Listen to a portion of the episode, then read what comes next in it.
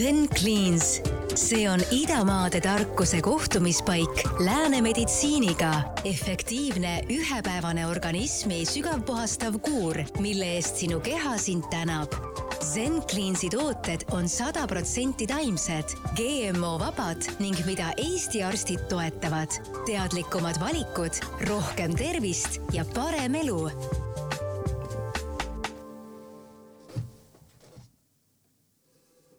ja tere tulemast kuulama järjekordset episoodi Cleansify Eesti podcastist. minu nimi on Kris Kala. ja mina olen Maarjus. ja me istume taas mikri taga. Ähm, ja seekord siis tõepoolest jälle kolmekesti. ja kohe jõuame ka külalise juurde, kes meiega täna siin on. nimest loomulikult sa juba näed. aga enne kui sinna lähme, siis äh, kuidas on tunne, Maarjus? Mm, eesoleva saate osas? no, meie tunne on äh, selles mõttes äh, positiivne. ma vahepeal enne seda saadet kuulasin äh, Ausad mehed podcast'i raames ühte sinu saadet, kõige esimest tegelikult. kuigi me oleme natukene juba ka varem tuttavad, siis mulle tundus, et ma tahan kuulata sinu saate ära, enne kui ma hakkan muud saadet tegema. ja mind väga vaimustas sinu äh, väljendusoskus mis Aitäh. muidugi äh, ilmselgelt äh, sina kui äh, tuntud koolitaja, ilmselgelt võiks ju seda eeldada, aga sa oskad oma mõtet väga hästi kohale viia ja seda oli kihvt kuulata just minul eriti, sest et me mõtleme väga palju ühtemoodi, ma avastasin sealt saatest, aga ma ise leian, et ma väljendusoskuselt nii hea ei ole, nii et selles mõttes ma loodan, et ma saan täna sinult küsida küsimusi, mis ma tahan et sa näiteks minu mõtte siis võib-olla inimestele paremini edasi annaks, kui mina seda oskan. hea pressure aitäh. mul tuli mõte praegu, et kui ma sinu peale mõtlen jällegi, siis sul on sellised tugevused, mida mul ei ole. no kindlasti. kõik see, mida sa teinud oled selle Glensify'ga või Zen Glintsiga ja enne seda see soojus, soojus, soojustus soojus, soojuspummad jah mm. -hmm et mida vanemaks saad, seda rohkem näed inimeste juures neid tugevusi, mida nad äh, realiseerivad ja see on nii põnev näha, kuidas me nagu moodustame terviku lõppkokkuvõttes. jaa, absoluutselt. ja, ja selle, selle peale ei, ei pea ju siis nagu enda peegelpildist vaatama, et tahaks nagu kõike osata, et see mm -hmm. ei ole ka mhm. võimalik. omad tugevused ja, ja sinna peabki siis nagu jääma ja, ja seda nii-öelda praktiseerima. jah, täpselt ja,. nii et mina olen hea, kuidas sul, Kris? sul on nüüd Kaidoga, ma ei tea, mitmes saade juba? viies, neljas, midagi niisugust umbes nii jah, nelja, neljas-viies, neljas-viies umbes jah, me oleme vist kaks tükki teinud, üks oli live sinuga seal hotellis. üks oli, esimene saade oli lihtsalt niisama meil kolmekesti, siis oli meil omakorda webinar äh,. veebi teel siis seminar, webinar, väike sihuke koolitus ja nüüd vist on neljas siis sellisel juhul ikkagi, neljas jah. võib-olla küll jah. on sul midagi uut ka küsida ta käest? ja on, sest et tänane fookus on meil, äh, me oleme teises podcast'is üldse, mina olen teises podcast'is üldse oma häälega ja meil siin Glensifas ikkagi kipub olema see fookus natukene teistsugune kui Kris Kala podcast'is või ausalt mehe podcast'is varasemalt, et äh, ma arvan, et tuleb, äh, kui ma neid küsimusi koostasin ja vaatasin, et mida küsida ja millest Kaljoga rääkida, et äh, mitte liiga esoteeriliseks võib-olla minna, samas jällegi midagi anda, mis on inimeste jaoks oluline, mis, mida võiks rääkida, siis me jõudsime, et ikkagi, et ühendame natuke mõned valdkonnad ja, ja ma arvan, et siit koorub lahti küll, kui me siin spontaanselt minema hakkame, et lihtsalt kondikava on selleks, et auke täita nii-öelda, kui need tekivad. aga tõepoolest ja Maarjus siin äh, minu küsimuse peale siis hakkas kohe Kaidoga rääkima, et ta rääkis Kaidoga ja täna meil külas on siis äh, tõepoolest Kaido Pajumaa, Eesti üks äh, tippkoolitajatest. tead, see tippkoolitaja termin on selline, et ma ei tahtnud sulle ette öelda, et, et ära, ära, ära, ära selliseid termineid kasutada, see kõlab nii imelikult, aga et nagu ma just Maarjusele ütlesin, igaüks realiseerib oma tugevusi mm -hmm. ja nii nagu mina avastasin enda jaoks ühel hetkel, et mulle sobib selline avalik esinemine ja ma saan gruppidega head kontakti, et siis elu on kandnud need kümme aastat mm -hmm. ja, ja mul on hea meel, kui ma saan ühelt poolt oma klientidele väärtust luua, teiselt poolt naudin seda, mida teen, et see on väga-väga mõnus tervik. ma arvan, et see ongi kõige olulisem, kui sa naudid seda, mis sa, mis sa teed, et äh Maris vaatab siukse näoga, et mida sa räägid lihtsalt, et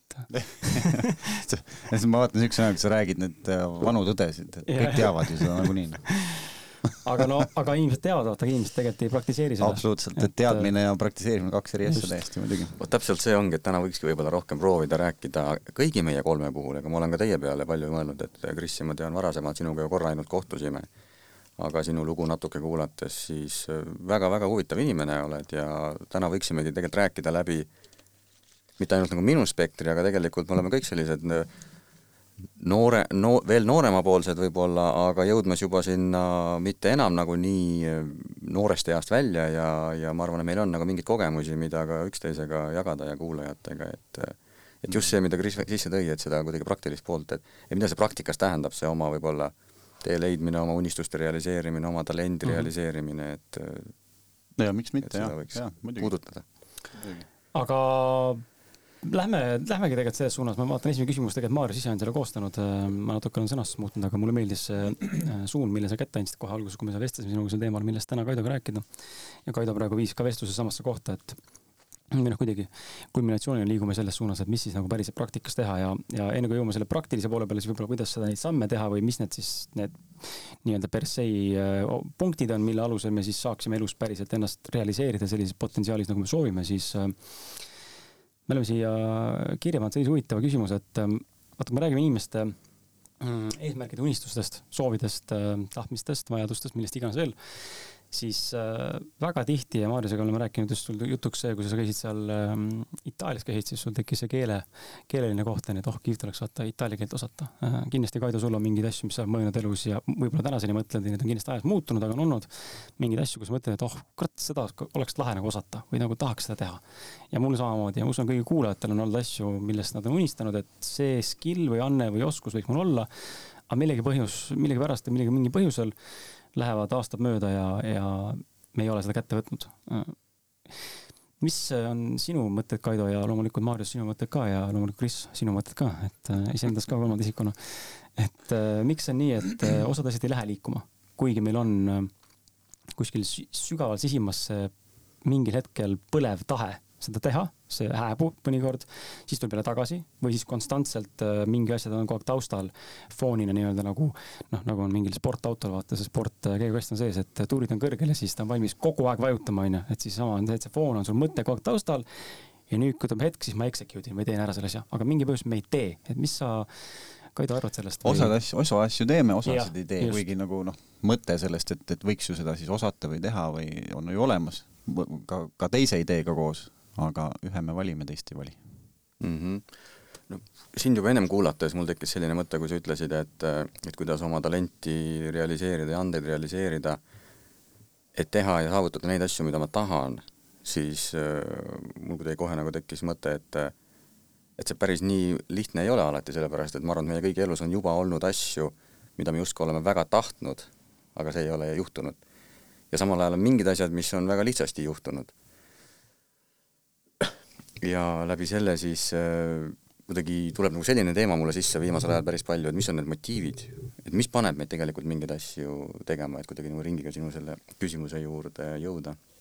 et ma arvan, et mõned motiivid on hästi-hästi võib-olla isegi kunstlikud, võib-olla väga sellisest äh, ego tasandist äh, tekkivad, ehk siis äh, tunne, et mina teen, mina saavutan, mina valitsen, kuskil kahekümnendates eriti on selline tunne aga samal ajal, kui me vaatame, kuidasmoodi loodus tervikuna toimib, siis äh, sealt võib leida selliseid äh, ühtsusprintsiipe, et äh, mingid asjad nagu lähevad oma rada ja ükskõik, kui palju me tahame, et need asjad juhtuksid või ei juhtuks, nad juhtuvad siis, kui nad on vaja, et juhtuks ja nad jäävad juhtumata siis, kui ei ole võib-olla meie arenguks see vajalik, võtame sellesama, näiteks me tulime siia, seesama intsident, mis oli elektriga mm, -hmm. keegi seda ei planeerinud. absoluutselt iga päev on sellised sündmused, mida me ei planeeri me püüame nendega hakkama saada ja me õpime selle käigus, aga samal ajal juhtub ka asju, mida me ei planeeri heas mõttes ja nad on nagu mingisugused äh, maamärgid. nii et äh, kui sa ütled, et miks mõned asjad juhtuvad ja mõned asjad ei juhtu, siis äh, ma olen nagu täna nüüd neljakümne nelja aastaseks saades aru saanud, et võib-olla eksisteerib mingisugune suurem plaan. et sa ütlesid, et ärme lähe esoteeriliseks, aga ma siiralt usun sellesse mm, -hmm. et igalühel on mingisugune suurem plaan ja me selle plaaniga kooskõlas oma eesmärke saavutades või seades, et siis me võime päris edukad olla, aga kui me läheme täiesti risti vastu selle suure plaaniga, siis me punnitame palju me tahame, aga meile tundub, et asjad nagu ei õnnestu, süüdistame ennast, süüdistame teisi, tunneme ennast alaväärsena, ebapiisavana, tehes väikese muudatuse, avastame, et vau, mingisugused teed hakkavad äh, avanema. nii et see motiivi teema minu jaoks hästi relevantne praegu, et mis on mu tegelik motiiv, et kas see on kuskilt, ma ei tea, sotsiaalsest võrdlusest pärinev motiiv mm, -hmm. et a la tahan sellepärast, et nemad seal tegid ja saavutasid, on see mingitest varasematest traumadest tulenevad motiivid, et a la kunagi juhtus selline asi, nüüd ma tõestan endale, nüüd ma nagu näitan teistele. või on see päriselt motiiv kuidagi selline sügav nagu teadmine, et see võib-olla tegevus pakuks mulle rõõmu, selle kaudu ma võib-olla teistele saan midagi kasulikku luua, et noh, saate pihta ju, mida ma nagu püüan öelda, et see motiiv nagu, et kustkohast see motiiv tuleb? Mul endal tuleb veel niisugune märksõna nagu romantika või romantiline mõte endast, et ma oskan nagu seda, teist ja kolmandat kõike nagu teha mm -hmm., võib-olla siis noh, kui ma enda näite toon, ongi itaalia keel, eks ju ja, ja mulle Itaalia kultuur ja, ja, ja jalgpall ja kõik see maa nagu väga meeldib. ja, ja see romantiline mõte endast rääkimas nagu vabalt ka itaalia keelt on ju väga tore, aga samas on see ju tohutu effort või, või selline pingutus, et lõpuks nagu see keel selgeks õppida. Ja eriti, kui ma hakkan, hakkan seda õppima, eks ju, Eesti keskkonnas, noh, siis tegelikult noh, alateadvus ütleb mulle või, või et noh, see ei ole võimalik mm. -hmm. ja, ja siis ma nagu, ja kuna ta ei ole ilmselt nagu praktiline motiiv, siis ma olengi ta nii-öelda lihtsalt kõrvale jätnud, et praktilisi motiive on mul olnud äh, nagu palju rohkem. aga samal ajal, kui mõelda, väga ägedat sõna kasutada, romantiline, vaata romantiline võib-olla selles kontekstis sa mõtledki seda, et see kuidagi nagu, ta kuidagi nagu heliseb nagu südames või et sa Just. läksid sinna, sul tekkis mingi äratundmine ja nüüd su nagu ratsionaalne meel ütleb, et noh, et, et see Eesti keskkonnas on väga ebapraktiline, mul ei ole selleks võib-olla aega, ressurssi, aga see, et sul see sügavam äratundmine tekkis me ei tea veel, vaata, mis kolmanda nurga taga tuleb. äkki poole aasta pärast tulevad mingid kliendid, mingid projektid sisse ja sa vaatad, vau, et äkki sellepärast oligi mul see äratundmine, et ma oleks pidanud tegelikult alustama ja võib-olla ma tol hetkel veel ei teadnud, mis see lahti rulluv elu on, aga näed, sealt äkki midagi tuleks. jaa, absoluutselt, nii-öelda selles mõttes niisugune tuleviku äratundmine et, et ja, ja see võib olla küll absoluutselt, et ja praktiline meel mitte mul ei räägi ära, vaid leiab nagu lihtsalt põhjenduse siis sinna taha, et, et no mm -hmm. miks ma siis seda tegelikult ei ole nii-öelda ellu viinud. noh, äkki siis on nagu need ja need nagu põhjused mhm. mm. -hmm. kui ma olen mõelnud, et see, see ei kõla nagu eriti mehelikuna, aga ka meile väga nagu ei õpetata meestena eriti kasutama oma intuitsiooni mingite otsuste ja valikute tegemisel. Ja teatud piirideni äris võib-olla see ei ole ka eriti mõistlik. Aga kuna mul nagu elu on kujunenud viimastel aastatel selliseks, et äh, ma olen nagu paljuski saanud oma nii-öelda reeglid kehtestada, siis ma olen valinud hästi palju läbi intuitsiooni oma valikuid teha, et kui mulle tundub asi õige, ma isegi ei tea, miks see veel tundub mulle õige, siis ma teen neid asju. Kui ma tunnen, et midagi on nagu mäda, siis ma lihtsalt ei tee ja ma ei ole väga palju õnneks puusse pannud. no mina oma äris olen ainult intuitsiooni kasutanud kogu aeg mm, -hmm. et, et mul ei ole teist äh, varianti üldse olnud alates eh, palkamisest, inimeste palkamisest kuni mingite brändide leidmiseni äh,, nendega läbi rääkides äh, mingite siis nõksude või, või, või vahendite kasutamiseni, et, et see on kõik hästi intuitiivne mul olnud. ja mm, -hmm. ja see ei ole mul mind samamoodi alt vedanud, küll, küll on jah, see pool olnud, et ma olen teinud ka intuitiivselt mingisuguseid käike, kus ma olen raha kaotanud mm. -hmm noh, kuna see on intuitsiooni baasil tulnud, siis mul ei ole mitte mingisugust halba tunnet seal taga endal nagu noh, ju siis see midagi nagu aitas, eks ju, mingi, mingi õppetunni ma nagu sain, ma tihtipeale küll ei mõtesta neid lahti, et miks ma nüüd selle raha kaotasin. pigem ma võtan seda siis nii, et no ju ma siis olen mujalt võib-olla selle ka sama lihtsalt saanud, kui see praegu läks, et see oli nagu selles mõttes tasakaalu siis, kaalu tasakaalu seadmine jälle, et, et ju siis nii on mm. -hmm. Kris, kuidas sinul? Äh, millega seoses? No needsamad, et kui sul on mingi mõte olnud, mida sa oled tahtnud nagu saavutada, aga sa ei ole saanud, et kuidas sina nagu näed, miks see siis niimoodi sul saavutamata jäänud on? no sõltub, äh, ma arvan, et see sõltub väga valdkonnast ka mm, ja võib-olla ka sellest äh, soovist, mille sa välja annad, et ma toon hea näite siia. Mm, füüsiline aktiivne trenn, jõutrenn siis. et mina olen terve elu teinud sporti samamoodi, aga, aga mingist vanusest äh, jätsin selle nii-öelda siis potentsiaalse profisportlase karjääri pooleli, siis ma nägin, et minus ei ole seda, mis on teistes sama vanuses mängijates ja, ja ei kõnetanud ka see mäng enam selliseid niimoodi või spordiala. ja, ja siis mingi aeg äh, nägin, et äh, tekkis tohutu huvi jõutrenni vastu just enda keharaskusega ja, ja siis pärast äh, käeõnnetust Austraalias, kus murdsin mõned luud, noh, jälle nagu täna see elektriasi on ju, tuli midagi mu teele ette, mis takistas, pani põntsu minu sellele treeninguperioodile ma ei saanud midagi teha, kips oli kuskil peaaegu mitu kuud ja kuus kuud ei saanud üldse näppe liigutada. ja kogu füüsiline vorm kadus, siis mul kadus nagu täielik motivatsioon ära, mõtlesin nagu, et mida perse ma üldse pingutan siis kuus kuud ja siis tuleb lihtsalt mingi üks asi minust noh, oma lollusel tegin saltosid, eks ole, kukkusin, aga, aga sellest olenemata mingi nii väike asi lihtsalt ühel ilusal päeval ühe sekundiga ja tõmbas terve selle arengu nagu maha. ja siis pärast seda ma olen näinud ja mul see trenni teema hästi kõigub. aga jällegi ma arvan, et seal on ma arvan, et see asi natuke taustal on ka tahtejõus. et noh, kas sa päriselt nagu tahad, noh, sa enne mainisid seda ego tasandit on ju, et, et kas me nagu kuskilt näeme, et see võiks kihvt olla või me päriselt see kõnetab, me tahame tegelikult päriselt teha seda, et kui see meie seest ikka tuleb, ma arvan, et siis on natuke teine teema seda ette võtta ja lihtsam ja, ja ma usun, et siis on ka rohelisemad tuled ees, kuivõrd äh, on need punased nii-öelda. ja teie mõtete täiendamiseks mul tekkis enne see mõte ka, et kui palju te olete, ma nüüd pöördun siis meie kõigi kolme poole ja, ja kuulajate poole ka, et kui palju te olete kodus või igapäevaselt näinud näiteks, vaadanud mingit videot Youtube'ist või vaadanud mingit inimest kuskil sotsiaalmeedias või oma sõpra või perekonnaliiget ja siis vaatate, et oh, kurat, teeb nii hästi seda. et tahaks ka, et hullult motiveerib, noh, mind näiteks on tants, tantsimine, hip-hop, vaatan seda, mõtlen, et kuradi lahe oleks tantsida hip-hopi. Ja ma olen seda mõelnud terve elu, noh. ja, ja siis või mingit asja veel vaatad, mõtled, kuradi kihvt oleks ise ka osata aga ma olen aru saanud nüüd vanemas eas, et äh, see ei tähenda alati, et ma pean kohe tegelema hakkama selle asjaga ise, vaid see võib olla lihtsalt motivaator väline mulle teha seda, mis mulle tegelikult päriselt ise meeldib. sest ma saan sel hetkel inspiratsiooni tohutult, kui ma näen kedagi tegemas midagi, mis ta teeb nagu fantastiliselt hästi, onju, kas ta laulab või tantsib või mis iganes, teeb ettevõtlus hästi või podcast'i hästi või mis iganes veel, onju. et äh, see ei pea alati olema see väljundus samasse sektorisse, samasse valdkonda, sest et see ei ole sulle võib-olla noh, sama riietega onju, et oo ülikihvt tagi sul, ülihästi sobib, võtan endale ka, siis vaatad, kurat näeb sitt välja minu seljas, vaata noh mm. -hmm. see ei olnud sulle, see ei olnud sinu tagi, noh, et mina nagu täna vaatan seda asja sellise nurga alt ka, et äh, see ei pea alati olema nii üks-ühele või noh, nii mustvalge. jah, ei.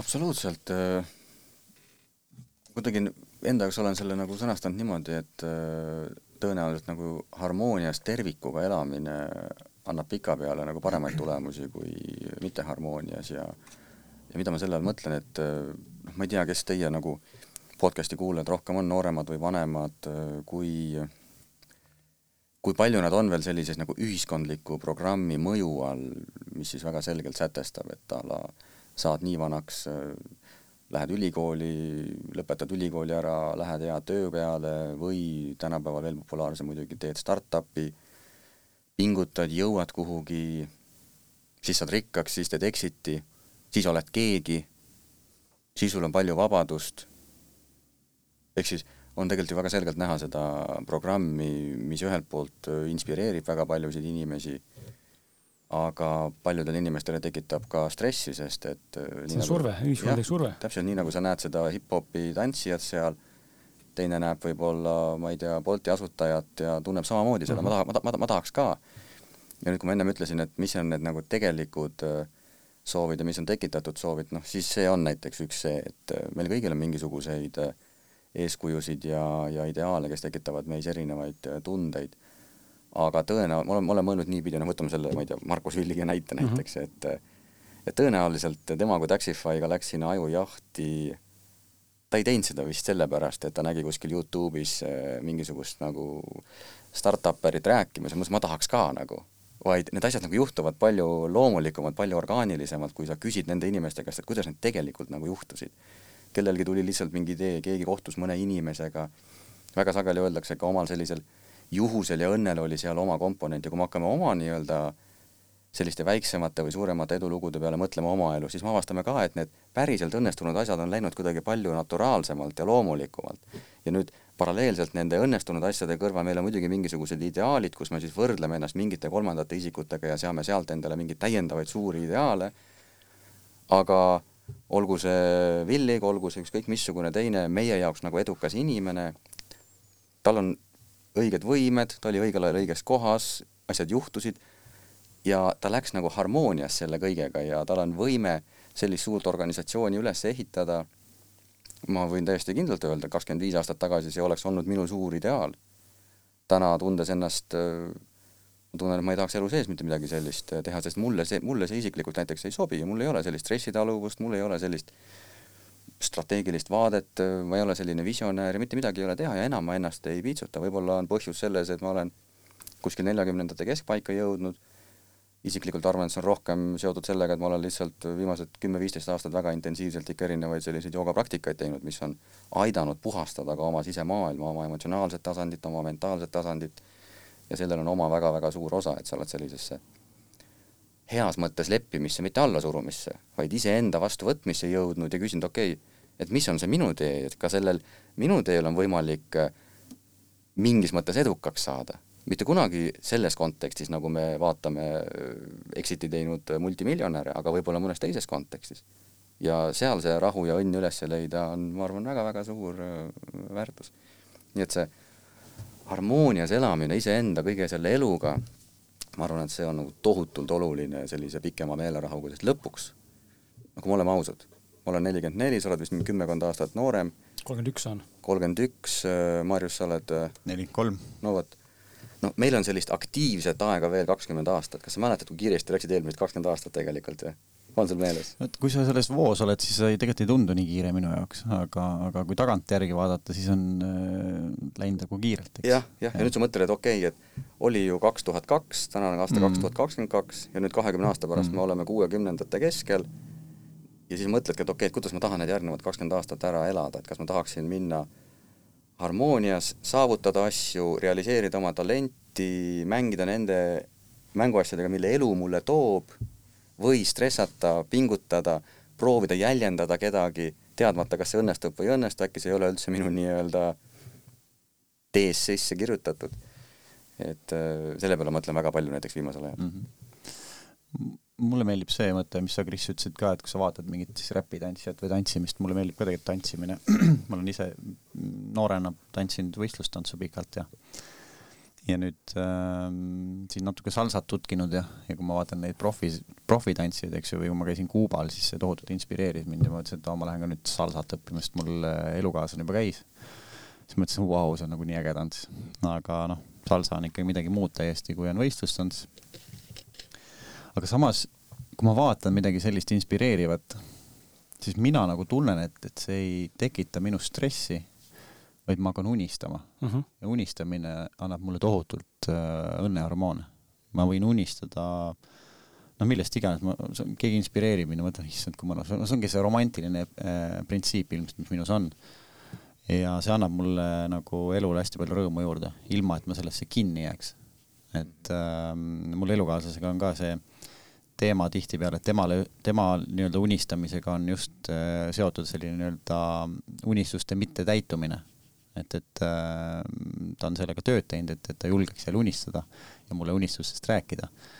aga minul on see olnud nagu kogu aeg ja, ja, ja noh, nähes kedagi kihvtilt nagu midagi tegemas, näiteks nagu Kaido, sina, eks ju, ennast väljendamas, koolitamas, sinu podcast'e kuulates, see paneb mind unistama kuidagi, et äh, kihvt, kui ma oskaks ka niimoodi teha. aga see ei tähenda, et ma hakkaks kohe seda õppima ja see tekitab lihtsalt minu, minus nii-öelda sellist heaolutunnet ja, ja paneb naeratama. ja vaata sinu puhul, sorry, segan vahele, et sinu puhul ka Maarjus on see, et see unistuse näide, et paneb unistama, siis sellisel viisil äh, sa elu viib sind sinna unistuse lainele nagu väga loomulikult ja väga orgaaniliselt, sul on hea tunne, sa ei, see ei ole pingutatud unistamine, nagu siin väga palju räägivad sellest mindset'i muutmisest, et nüüd iga päev visualiseeri ja unistama asju. minu jaoks on see väga peale surutud nüüd täna juba, vanasti mm. noorem ikka tegid seda ka, sest tundus, et kõik teevad, vaata noh, peab tegema ju aga see sinu näide, mis sa tõid, see on kuidagi loomulikum viis, et ta elu, siis sa lähed sellesse seisundisse, kus sa hakkad unistama. nojah, ja kui ma üldse jõuan sinna, nii et ega ma, ma ei pea mitte, ma ei, ma ei pane endale mingisuguseid kohustusi siin mm, -hmm. et, et ja kui see mingil põhjusel jõuabki minuni, mis iganes salsa äh, tuleb keegi treener, ütleb, et oo, tead, ma siin teen ja tule ka trenni ja, ja teeme siin äh, üks-ühele treeninguid. Või noh, siis ma võtan sellest kinni, sest ma ju unistasin sellest ka, mis oh, näed, nüüd tuleb universum näitab või kes iganes mingid juhused näitavad, eks. Mm -hmm.. noh, kui need on olemas. mulle meeldis see sinu see koht, et või see teooria, mida sa rääkisid, et tegelikult me ei saagi valida, vaata, mida me oleme, sest me see eelnev programm, eelnev elu on meil kõik tulevikuvalikud ette pannud, aga see on teise podcast'i teema seda saate kuulata. aga just see koht, et, et ja kui, ja kui see ei jõua minuni, siis ei jõua, aga, aga ma olen unistanud ja ma olen juba tänu sellele, et, et midagi vaadanud ja unistanud, ma olen äh, saanud äh, enda päeva paremaks teha mm. -hmm. lihtne. ja vaata, siin on ka see, et kui mina kuulasin sinu podcast'i, ausad mehed äkki käisid või? Siis mina panin sinu pjedestaalile. täpselt nii, nagu sina kuulasid näiteks kuskil mind, mõtlesid, oh kui ägedalt tüüp ennast väljendab, aga see ongi minu amet, ega ma, kui ma esimest korda tegin kaks tuhat üheksa aasta koolituse oma blogi lugejatele, mul ei olnud mingit ambitsiooni koolitajaks saada, absoluutselt, ma tegelesin oma kodukaubandusäriga, tahtsin seal ennast äh, realiseerida. ja see, et ma hakkasin blogi kirjutama ja blogilugejad ühel hetkel ütlesid, et kuule, et koolitusi ei tee või, ütlesin, ma ei tea, et nagu ei ole mõelnud, aga noh, võib teha ju. Panin blogisse kuulutuse, et tuleb koolitus, kuidas luua eduteadvust. ise olin paar aastat varem just kaks ehitusettevõtet pankrotti ajanud ja nüüd struggle isin oma selle väikse kaubandusäriga seal. ilmselgelt ei läinud käima see asi nii, nagu ma soovisin ja kohale tuleb üheksakümmend neli inimest. ja siis panen sinna väikse mingisuguse hinnasildi ka külge, nelisada viiskümmend krooni oli ja siis kohale tuleb üheksakümmend neli inimest, ma mäletan seda hetke, kui ma istusin üks päev enne koolitust, tegin panga lahti, vaatasin, seal oli viiskümmend tuhat krooni. Ja nagu nõjatusin, mõtlesin, et kurat, see on hea äri ma nii hästi mäletan seda, et vau wow,, et kas niimoodi on võimalik ka, kas nii kergelt on ka võimalik raha teenida, ma olin kolm aastat ehituses, ma olin nagu, see oli kõige hullem aeg mu elus. siis ma olin kaks aastat üritanud seda kaubandusasja käima saada, no ei lähe, ei lähe. ja siis tegin ühe ära, mõtlesin, okei okay,, et prooviks veel mm. -hmm. panin Rakverre, okei okay,, ei tulnud enam üheksakümmend inimest, tuli seitsekümmend, panin Pärnusse, tuli viiskümmend ja niimoodi kahe aasta jooksul korra kvartalis tegin, tegelikult tegin oma seda kaubandusäri. ja viimasele koolitusele, ma arvan, kaks-kolm inimest tuli mm.. ja mõtlesin, et okei okay,, noh, tore oli, aga ju siis, ju siis see oligi see kaks aastat. ja siis, kui Nordea pangast kirjutati ja keegi ütleb, kuule, et keegi käis seal sinu avalikul koolitusel, et äh, sisekaid ei tee või, tule tee meie meeskonnale midagi samasugust siis ma vaatasin, vau. no just, just. et jälle mingi uks avanes ja vot niimoodi need uksed avanevad. Aga tulles tagasi selle pointi juurde, et ma panin sind pjedestaalile, ma kuulasin sind ja mitte selleks, et ma tahan sind kuidagi nagu eh, meelitada sind, aga reaalselt ma mäletan, ma sõitsin autoga, mõtlesin, vau, kui äge tüüp. kui sa rääkisid seda, ma ei mäleta, kus Tais või kus sa nägid, et keegi kasutas neid tooteid ja sa läksid ja hakkasid uurima ja lendasid sinna Taiwan'i ja mõtlesin, vau et noh, sa inspireerisid ja vot see oli sinu see impulss sel hetkel, mis pani sind niimoodi tegutsema mm. ja sa oled täna ikkagi jõudnud ju väga-väga vingesse kohta ja vinge toote välja töötanud ja Kris sind olles kuulanud äh, erinevaid podcast'e, ma olen nagu sõitnud ja lihtsalt nautinud ja mõelnud, et kui, kui kihvt inimene sa oled, et, et sa teed neid asju ja vot niimoodi ongi täpselt, et tegelikult meil kõigil on midagi pakkuda. aga see universaalne ühiskonnaprogramm ütleb, et ei, sa oled ainult valideeritud siis, kui sa niimoodi teed, kui sa lähed seda rada pidi ja jõuad vot sinna, siis sa oled valideeritud. ja nüüd ilmselgelt paljud üritavad seda teha kuskil kolmekümnendate keskpaigas sageli hakatakse aru saama, et midagi on sketši nagu, et see ei, ei toimi päris kõikidel, et see ei ole võimalik, ükskõik kui paljudel kursustel ma käin, et kõik ei saa nagu sama programmi. ja mõned hakkavad otsima.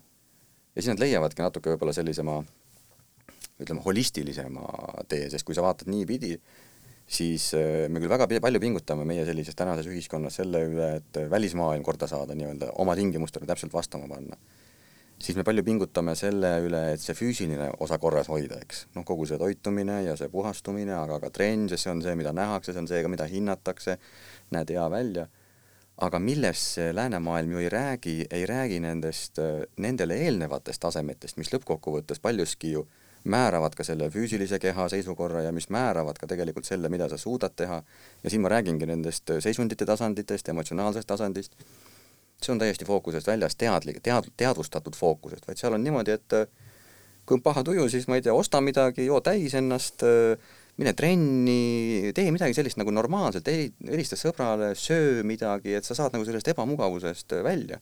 ja siis sa jälle natukene tunned ennast paremini ja siis saad jälle pingutada selle nimel, et oma nende väliste eesmärkideni jõuda aga tegelikult ju on olemas äh, võimalused ja tehnikad, et seda osa korrastada ilma neid asendustegevusi kasutamata.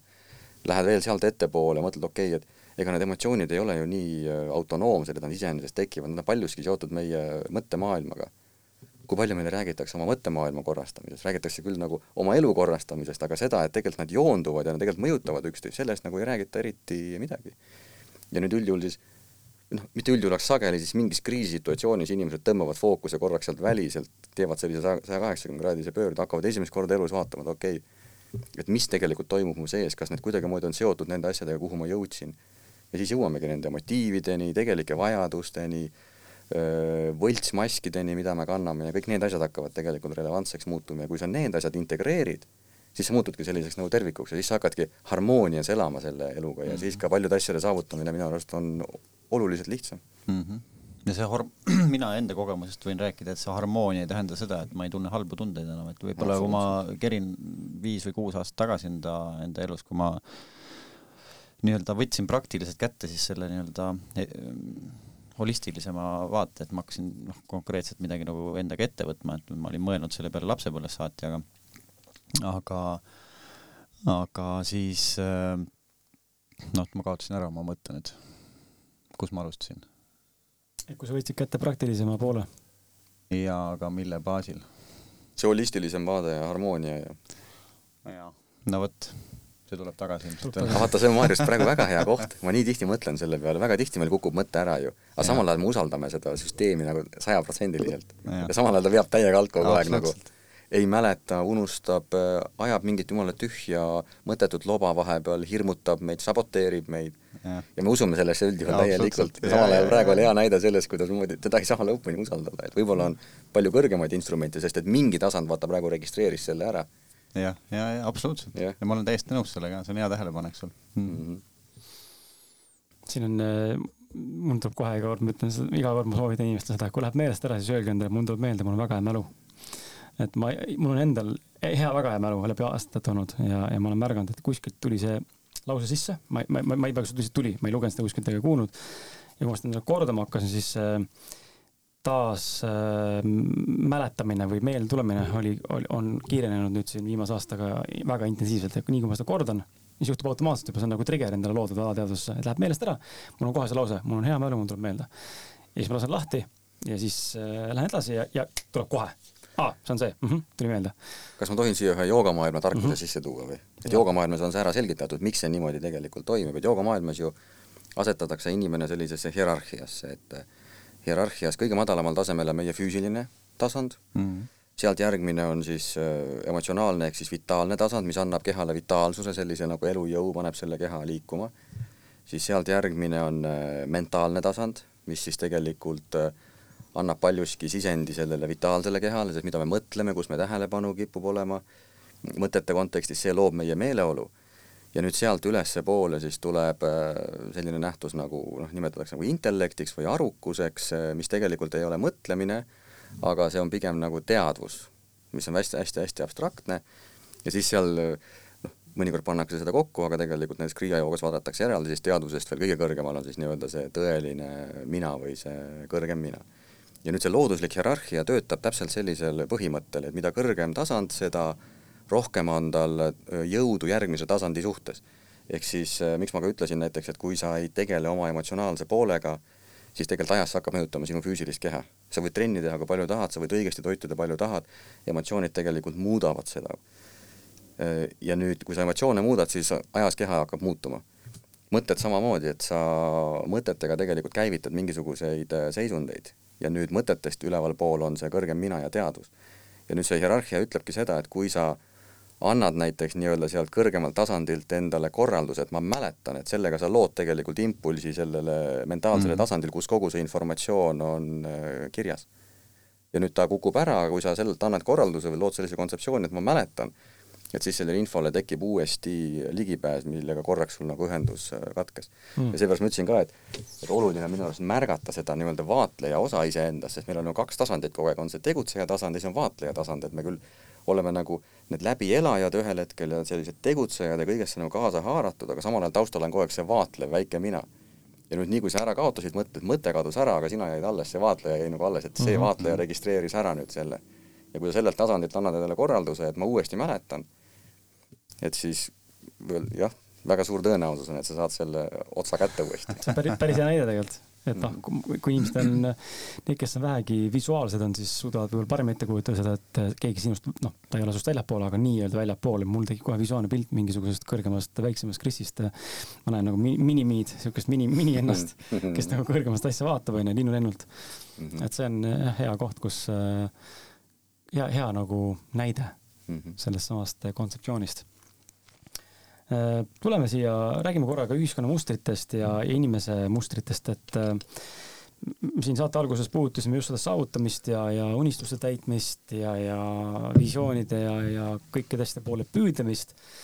ja me tuleks nüüd selle juurde, et äh, mis te arvate jälle, kuna te olete, mul on hea, mul on hea siin võimalus kasutada targemate inimeste vanemate inimeste ainult vanemate, mitte ilmtingimata targemate. aga just see, et äh, miks on ja kust see tulnud on meie sisse ja, ja kuidas sellega tegeleda, et miks on meie sees äh, see tahe nüüd kohe praegu kõike saada, et miks me intellektuaalselt me teame, et kui me hakkame täna siin kolmekesti nüüd tegema näiteks startup'i, siis väga suure tõenäosusega enne, kui me teeme exit business'it, see võib olla noh, jälle ütleme optimaalselt siin võib elu anda sulle rohelised tuled ja paari aastaga või siis äh, pessimistlik, realistlikkus on see, et see on niisugune seitse kuni kümme aastat ja siis sa võid teha selle exit'i ja oled õnnelik.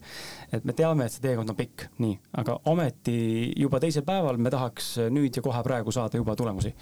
Äh, kliente, käivet, kõike muud on ju, sama muude valdkondade ka. mis sina, Kaido, arvad ja, ja mis Maarjus enda kogemusest rääkida juurde et äh, miks see on niimoodi, sest et äh, minus on samamoodi see, mingi, mingid, mingid valdkonnad väga tugevalt see, mingites valdkondades on see, et nagu see on okei okay,, kui ta aega võtab, see on normaalne, et see võtab aega. aga samas väga raske on teinekord tulla toime sellega, just selle tundega, et, et noh, ma tahan nüüd ja praegu kohe ja no miks ei ole raisk kah, kus ta on, no ma ei jõua enam oodata. et äh, kuidas, mis teie mõtted on? kust tuleb ja, ja miks see nii on? tahad sa alustada? ma, ma arvan, Kris, et sul on siinkohal õigus, et see oleneb täiesti valdkonnast ja, ja ideest, mida sa tahad kiiresti saada. mingid asjad on jumala okei okay,, kui sa ootad ju. ja mingid asjad tahad nagu kiirelt saada. mul on näiteks see kiire saamine on siis, kui ma näiteks ettevõtlusega, ma olen mingi hea asja lävel, eks ju, ja ma olen mingid asjad liikuma pannud, siis ma kujutan ette, et ma, see võiks olla tegelikult arvutimäng, kus ma panen lihtsalt niimoodi, et et tee sekundiga kakskümmend neli tundi onju, siis, siis ma varsti näen neid tulemusi kiiremini, et ma ei suuda nagu oodata, et mul tekib selline hasart, võiks öelda, et siis ma nagu ei suuda, siis ma ei suuda oodata, kui ma tean, et see on tegelikult alles pikaajaline tulemus, ma olen küll täna selle käima pannud, ma tahaks teada, mis sellest nüüd saab tulevikus, siis mul tekib see hasart. samas mingid teised asjad, näiteks äh, kiirelt exit'it teha või, või enam ei taha või, või noh, ühesõnaga mingi projektipõhine, et, et saaks projekt kiiresti läbi, et seda mul nagu ei ole kunagi olnud. aga samas ma saan jälle seda öelda, et ma ei ole kuni kaks kuud tagasi siis ei ole suutnud teha oma kätega mingisuguseid ehitusasju väga palju, sest et see võtab nagu niisugust pühendumist ühe kindla mingi detaili juurde. ja mis mind nagu seal kohal häirib, on see, et kui ma midagi valesti teen mingi koha peal ja see selgub, ma teen seda projekti edasi ja siis selgub, et ma pean nagu ära lammutama poole maani ja seda, sealt uuesti hakkama tegema, siis see mind tohutult nagu tõmbas, ma, ma ei tahtnud teha, ma ei tahtnud kogeda seda tunnet. nüüd kaks kuud tagasi me läksime maale elama perega ja sealt mul nagu täiesti tekkis transformatsioon. ma hakkasin ehitama mingisuguseid äh, kasvuhoone aluseid ja lillepotte ja värke ja mida iganes naisel seal maal vaja oli. Ja mul oli jumala okei okay,, kui ma pidin selle ümber tegema. ja ma nagu imestasin ka, et mis nagu juhtunud on, et äh, ma ei tea, ülevalt poolt nii-öelda siis üks kõrgem mina või keegi oli valmis nii-öelda mind suunama siis uuele võib-olla etapile, et aga ma nüüd saan nagu, mhm. tunnen seda, et, et mul ei ole nagu kiiret.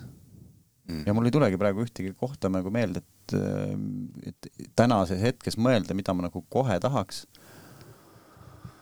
no nooremas eas vist on see, et kõik tahavad olla täiskasvanud, onju, äh, mingis vanuses, et tahaks olla täna juba kaheksateist ja kakskümmend üks. aga saad aru tegelikult, et lahutab seitse aastat onju, siis on see paratamatu, aga ikkagi tahad nüüd ja kohe praegu ja siis hakatakse tegema võib-olla mingisuguseid noh, neid alaealiste pidusid ja illegaalse klubidesse minekuid ja, sest sa ei suuda oodata lihtsalt seda.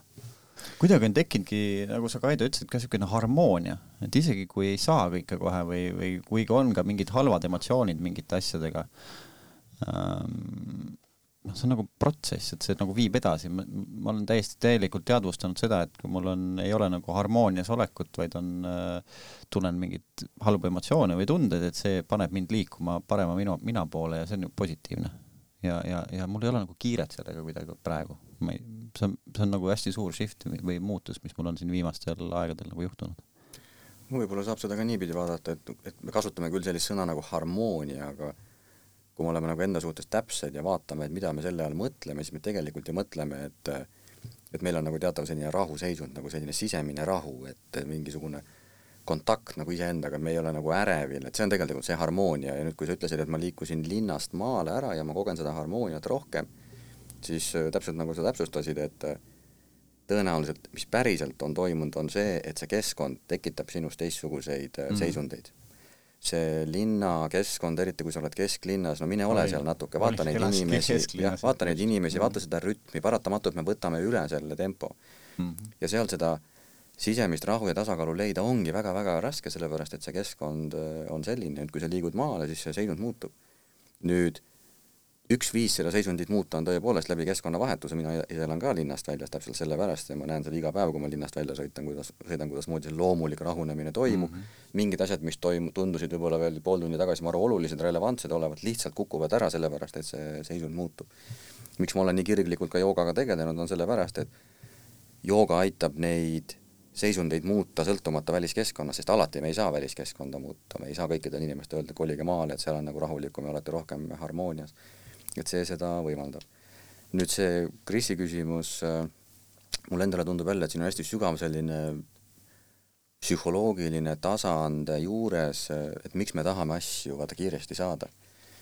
Enda näitel võin öelda, alates kaheksandast klassist alates minu ainukeseks motiiviks oli olla rikas, edukaks saada, olid ju Eesti üheksakümnendad, ja mitte lihtsalt nagu edukaks saada, vaid selle taga oli ikkagi soov olla keegi, olla tähtis, olla samamoodi imetletud, minust kirjutatakse, võim, mis sellega kaasneb, et see oli tegelik motiiv. ma läksin majandust õppima ainult sellepärast, et saada edukaks, ma läksin Hansapanka ainult sellepärast, et edukaks saada, ma läksin sealt edasi ehitusse ainult sellepärast, ainukesed motiivid olid tegelikult materiaalsed motiivid, mind absoluutselt ei huvitanud valdkond mitte ühegi valiku puhul ainukene moment, kui see valdkond hakkas huvi pakkuma, oligi siis, kui ma jõudsin koolitajani ja ma avastasin, et see kukub mul välja ja mul tekkis huvi nagu vau wow.. et kuidas ma varem seda ei teadvustanud. Ja nüüd vastus sinu küsimusele ongi, et see on natuke ebapopulaarne küsimus, et miks me tegelikult tahame nagu saada seda näiteks, miks me tegelikult tahame kiiresti exit'i teha, et kas selle all, maru mugav on öelda kuskil podcast ides ja ja võib-olla endale ka nagu ajada mullikesi, et noh, et ma nagu naudin seda kõike, ei, kui sa naudiksid, siis sa võib-olla pikendaksid hoopis seda protsessi, kui sa seda protsessi ennast nagu naudiksid, siis sa ei tahaks nii kiiresti võib-olla seda exit'it teha. et võib-olla see päris äh, põhjus seal võibki olla see, et siis ma olen see, kes tegi exit'i, ma olen tähtis. Nüüd ma olen see, kellest võib-olla räägitakse, nüüd ma olen see, keda nagu kutsutakse. ja see ei pruugi olla selline domineeriv, et inimene kogu aeg mõtleb selle jää peale ja siis ta kogu aeg nagu tegutseb ainult sellest tulenevalt, absoluutselt mitte aga seal taga võib olla tegelikult see. aga seal võib olla ka näiteks see, et äh, siis ma teenin oma võib-olla kümme miljonit, siis ma saan uuesti nagu hakata midagi realiseerima, ma saan uut, uusi projekte, näiteks kui mõni on sariettevõtja ja talle meeldib see protsess ja seal võib olla täiesti teine. et äh, raske on tõenäoliselt panna silti igale konkreetsele olukorrale, aga ülioluline on olla enda vastu siin aus, sest et kui me enda vastu päris lõpuni aus ei ole ja ei tunnista endale ka neid ebamugavaid tõdesid, siis me oleme mõnes mõttes äh, lõksus, meil on isegi iseenda ees on äh, mask ees. kui me seal jõuame nagu aususeni ja ütleme, et fuck, tegelikult mul ongi, mul on see ebapiisavuse tunne, mul on kaks sõpra seda teinud, ma tahaks ka, ja see on lihtsalt, see ongi see tõde. no mis siis, ongi tõde, ma sellepärast teengi. ma võib-olla ei saanudki lapsena piisavalt tähelepanu ja ma tahangi seda tunnet nagu realiseerida ja mis siis aga siis ma vähemalt tean, et ma seda teen. ja siis võib-olla ma kuidagi leian ka teistsuguse rahu selles tegevuses, sest nüüd ma tean seda sellepärast, et ühel hetkel ma olen ka see keegi siis ja siis ma leian oma õnne, ehk siis me ei pea nagu loobuma millestki, aga see iseendaga kontakti saavutamine ja iseendaga päriselt aus olemine, et see on tohutult vabastav. kui me oleme kontaktis ja ausad ka oma traumade ja oma mõnes mõttes nagu jutumärkides siis nagu valede unistuste ja eesmärkide saavutamise kontekstis mul tuleb meelde siin enda selle podcast'i teekonnas, ma ei mäletagi, mis saade see küll oli, aga eh, mitte siis Gensify alt, vaid Kris Kala podcast'i alt ja Ausa mehe podcast'i alt. mingi aeg ma mäletan, mul tekkis seal just inimestega vesteldes, kuna ma kohtusin ju tänaseks kohtunud peaaegu saja seitsmekümne külalisega nii-öelda, siis maas istunud ja nendega rääkinud ja mõttemaailma kuulnud, siis mingi hetkel muutus see kõik igavaks juba, sest et kõik oli nagu saate kontseptsioon ühesugune onju, sa nagu väga palju uut ei tule, kõik on noh, seal on sihuke kümme, kakskümmend valdkonda ja siis kõik nämmutavad selle ümber põhimõtteliselt onju, et mm -hmm. aga mingi hetkeni oli üli, ülipõnev ja kogu aeg nagu toimus endal meeletu integratsioon ja läbitöötamine ja, ja mingi hetk ma ammustasin läbi selle, et kurat võtaks, et mul on see tunnustusvajadus lihtsalt nii suur sees, et äh, see tunnustusvajadus, see kiituse soomine onju ja, ja tähelepanu vajadus, et see on nii suur ja siis ma üritasin nagu mõelda enda jaoks, et miks ta nagu on selline ja ja ma ei ole tänaseni aru saanud, kust tuleb, sest et mul lapsena ei olnud puudujääke, ma ei mäleta, et mul oleks kuskil puudujääke olnud. nüüd on teine pool on see, võib-olla ma ei mäleta, vaata aju on äkki, vaata aju teeb teinekord seda, et sulgeb ära mingi kogemuse, mis on väga traumaatiline või nagu valus olnud. et sa ei mäletagi seda ja see tuleb mingi aeg üles, siis mõtled, et fuck, tegelikult mu isa umbes a la või ema peksis mind onju seda ei mäletanudki, noh, mul nii küll ei olnud. aga, või noh, tahaks loota vähemalt, aga ei mäleta siukseid asju, aga ma mäletan, ma olin alati nagu armastatud, tunnustatud ja hoitud ja. aga ometi on see sees ja nüüd on see, nüüd on see viimase kahe aastaga nagu noh, ma olen seda nii-öelda siis heas mõttes äh, jõuliselt äh, mitte alla surunud, aga kontrolli all hoidnud või teadvustanud endale, et mul see on ja tänu sellele ma suudan seda nüüd nagu vaadelda seda enda poolt, on see asi nagu läinud palju-palju leebemaks ja ma tunnen, mul ei ole üldse eriti seda vajadust enam. jah, mingi osa on ikka alles, selles mõttes, et üleni pole ta kuskil kadunud ja ma arvan, et see ei kao üleni ära meie seest, et äh, ma arvan, et see on täiesti tervislik, kui ta on mingis mahus olemas aga, aga suures laastus on nad tohutult vaibunud ja oi kui palju rahumeelsem on endaga olla tänu sellele, et ma ei pea enam tõmblema või tegema midagi selleks, et nüüd tuleks kuskilt see kiitus, vaata, et kurat, kõva värk noh. ma käisin kunagi äh, Sri Lankal ühel budistlikus meditatsioonilaagris äh, ja sealne õpetaja oli kirjutanud ühe raamatu, mille pealkiri oli Your mind is bigger than all the supermarkets in the world ja see on selline budistlik printsiip, mitte budist kui, budism kui religioon siin, aga Sri Lankal praktiseeritakse just sellist hammat, ehk siis seda budistlikku algõpetust, mida nimetatakse ka budistlikuks eh, psühholoogiaks. Ja mõte oli seal selles, et eh, noh, vastusena sinu sellele vahepealsele etapile, et usutavasti on see illusioon, kui me mingil hetkel tunneme, et, et vot see on see asi, et kui ma selle asja lõpuks saaksin, siis tõenäoliselt saabuks rahu et see rahu ei saabu, sellepärast tekivad uued standardid ja selles ei ole mitte midagi pahatahtlikku, et elu keerub meile käkki, vaid meie psühholoogia lihtsalt töötab niimoodi, kui see haav on all, see mingisugune rahulolematus ja ebapiisavus, siis ükskõik kui palju sa tegelikult juba saavutad, mõte alati leiab järgmise võrdlusmomendi mm.. ta kasvab, liigub eest ära. jaa, ta liigub eest ära mm, -hmm. sest asi ei ole nendes konkreetsetes materiaalsetes saavutustes, vaid asi on selles dünaamikas, mis toimub meie sisemaailmas nüüd äh, sa kuskil rääkisid ühes podcast'is ka sellest äh, rahulolematuse teemast ja ma toona juba mõtlesin, et äh, arvatavasti on see paljudel oma isiklikku lugu jagades, ka mul on vanemad siiamaani koos, hästi armastavad, hästi toredad vanemad, aga noh, sa oled küll kümme aastat nagu eespool, aga toona ikkagi ju laste kasvatamisest räägiti nagu teistmoodi kui praegu. absoluutselt. et ma mäletan väga hästi, et nende suureks hirmuks näiteks oli see, et lapsed lähevad uhkeks, mis tähendaski seda, et nad täiesti teadlikult ja mitte sellest, et nad ei hoolinud või ei armastanud, nad väga palju ei kiitnud. ma mäletan mm -hmm. momente, kui ma tegelikult tegin midagi tublit ja vanemad selle asemel, et kiita, ütlesid noh, loodame, et nüüd nina püsti ei lähe, sest nemad kartsid mm -hmm. mingil mõnes mõttes nagu sellisel rumalal viisil, et kui see mm, võib-olla üheksa-aastane poiss nüüd näeb, et oi, et ma, ma ei tea, värvisin krundi peal seina ära ja sain sellega hästi hakkama et ma ei taha seda ma ei taha rohkem krundi peale tulla, sest nüüd ma, nüüd ma tunnen, et nüüd ma olen kõik saavutanud, mida ma elus olen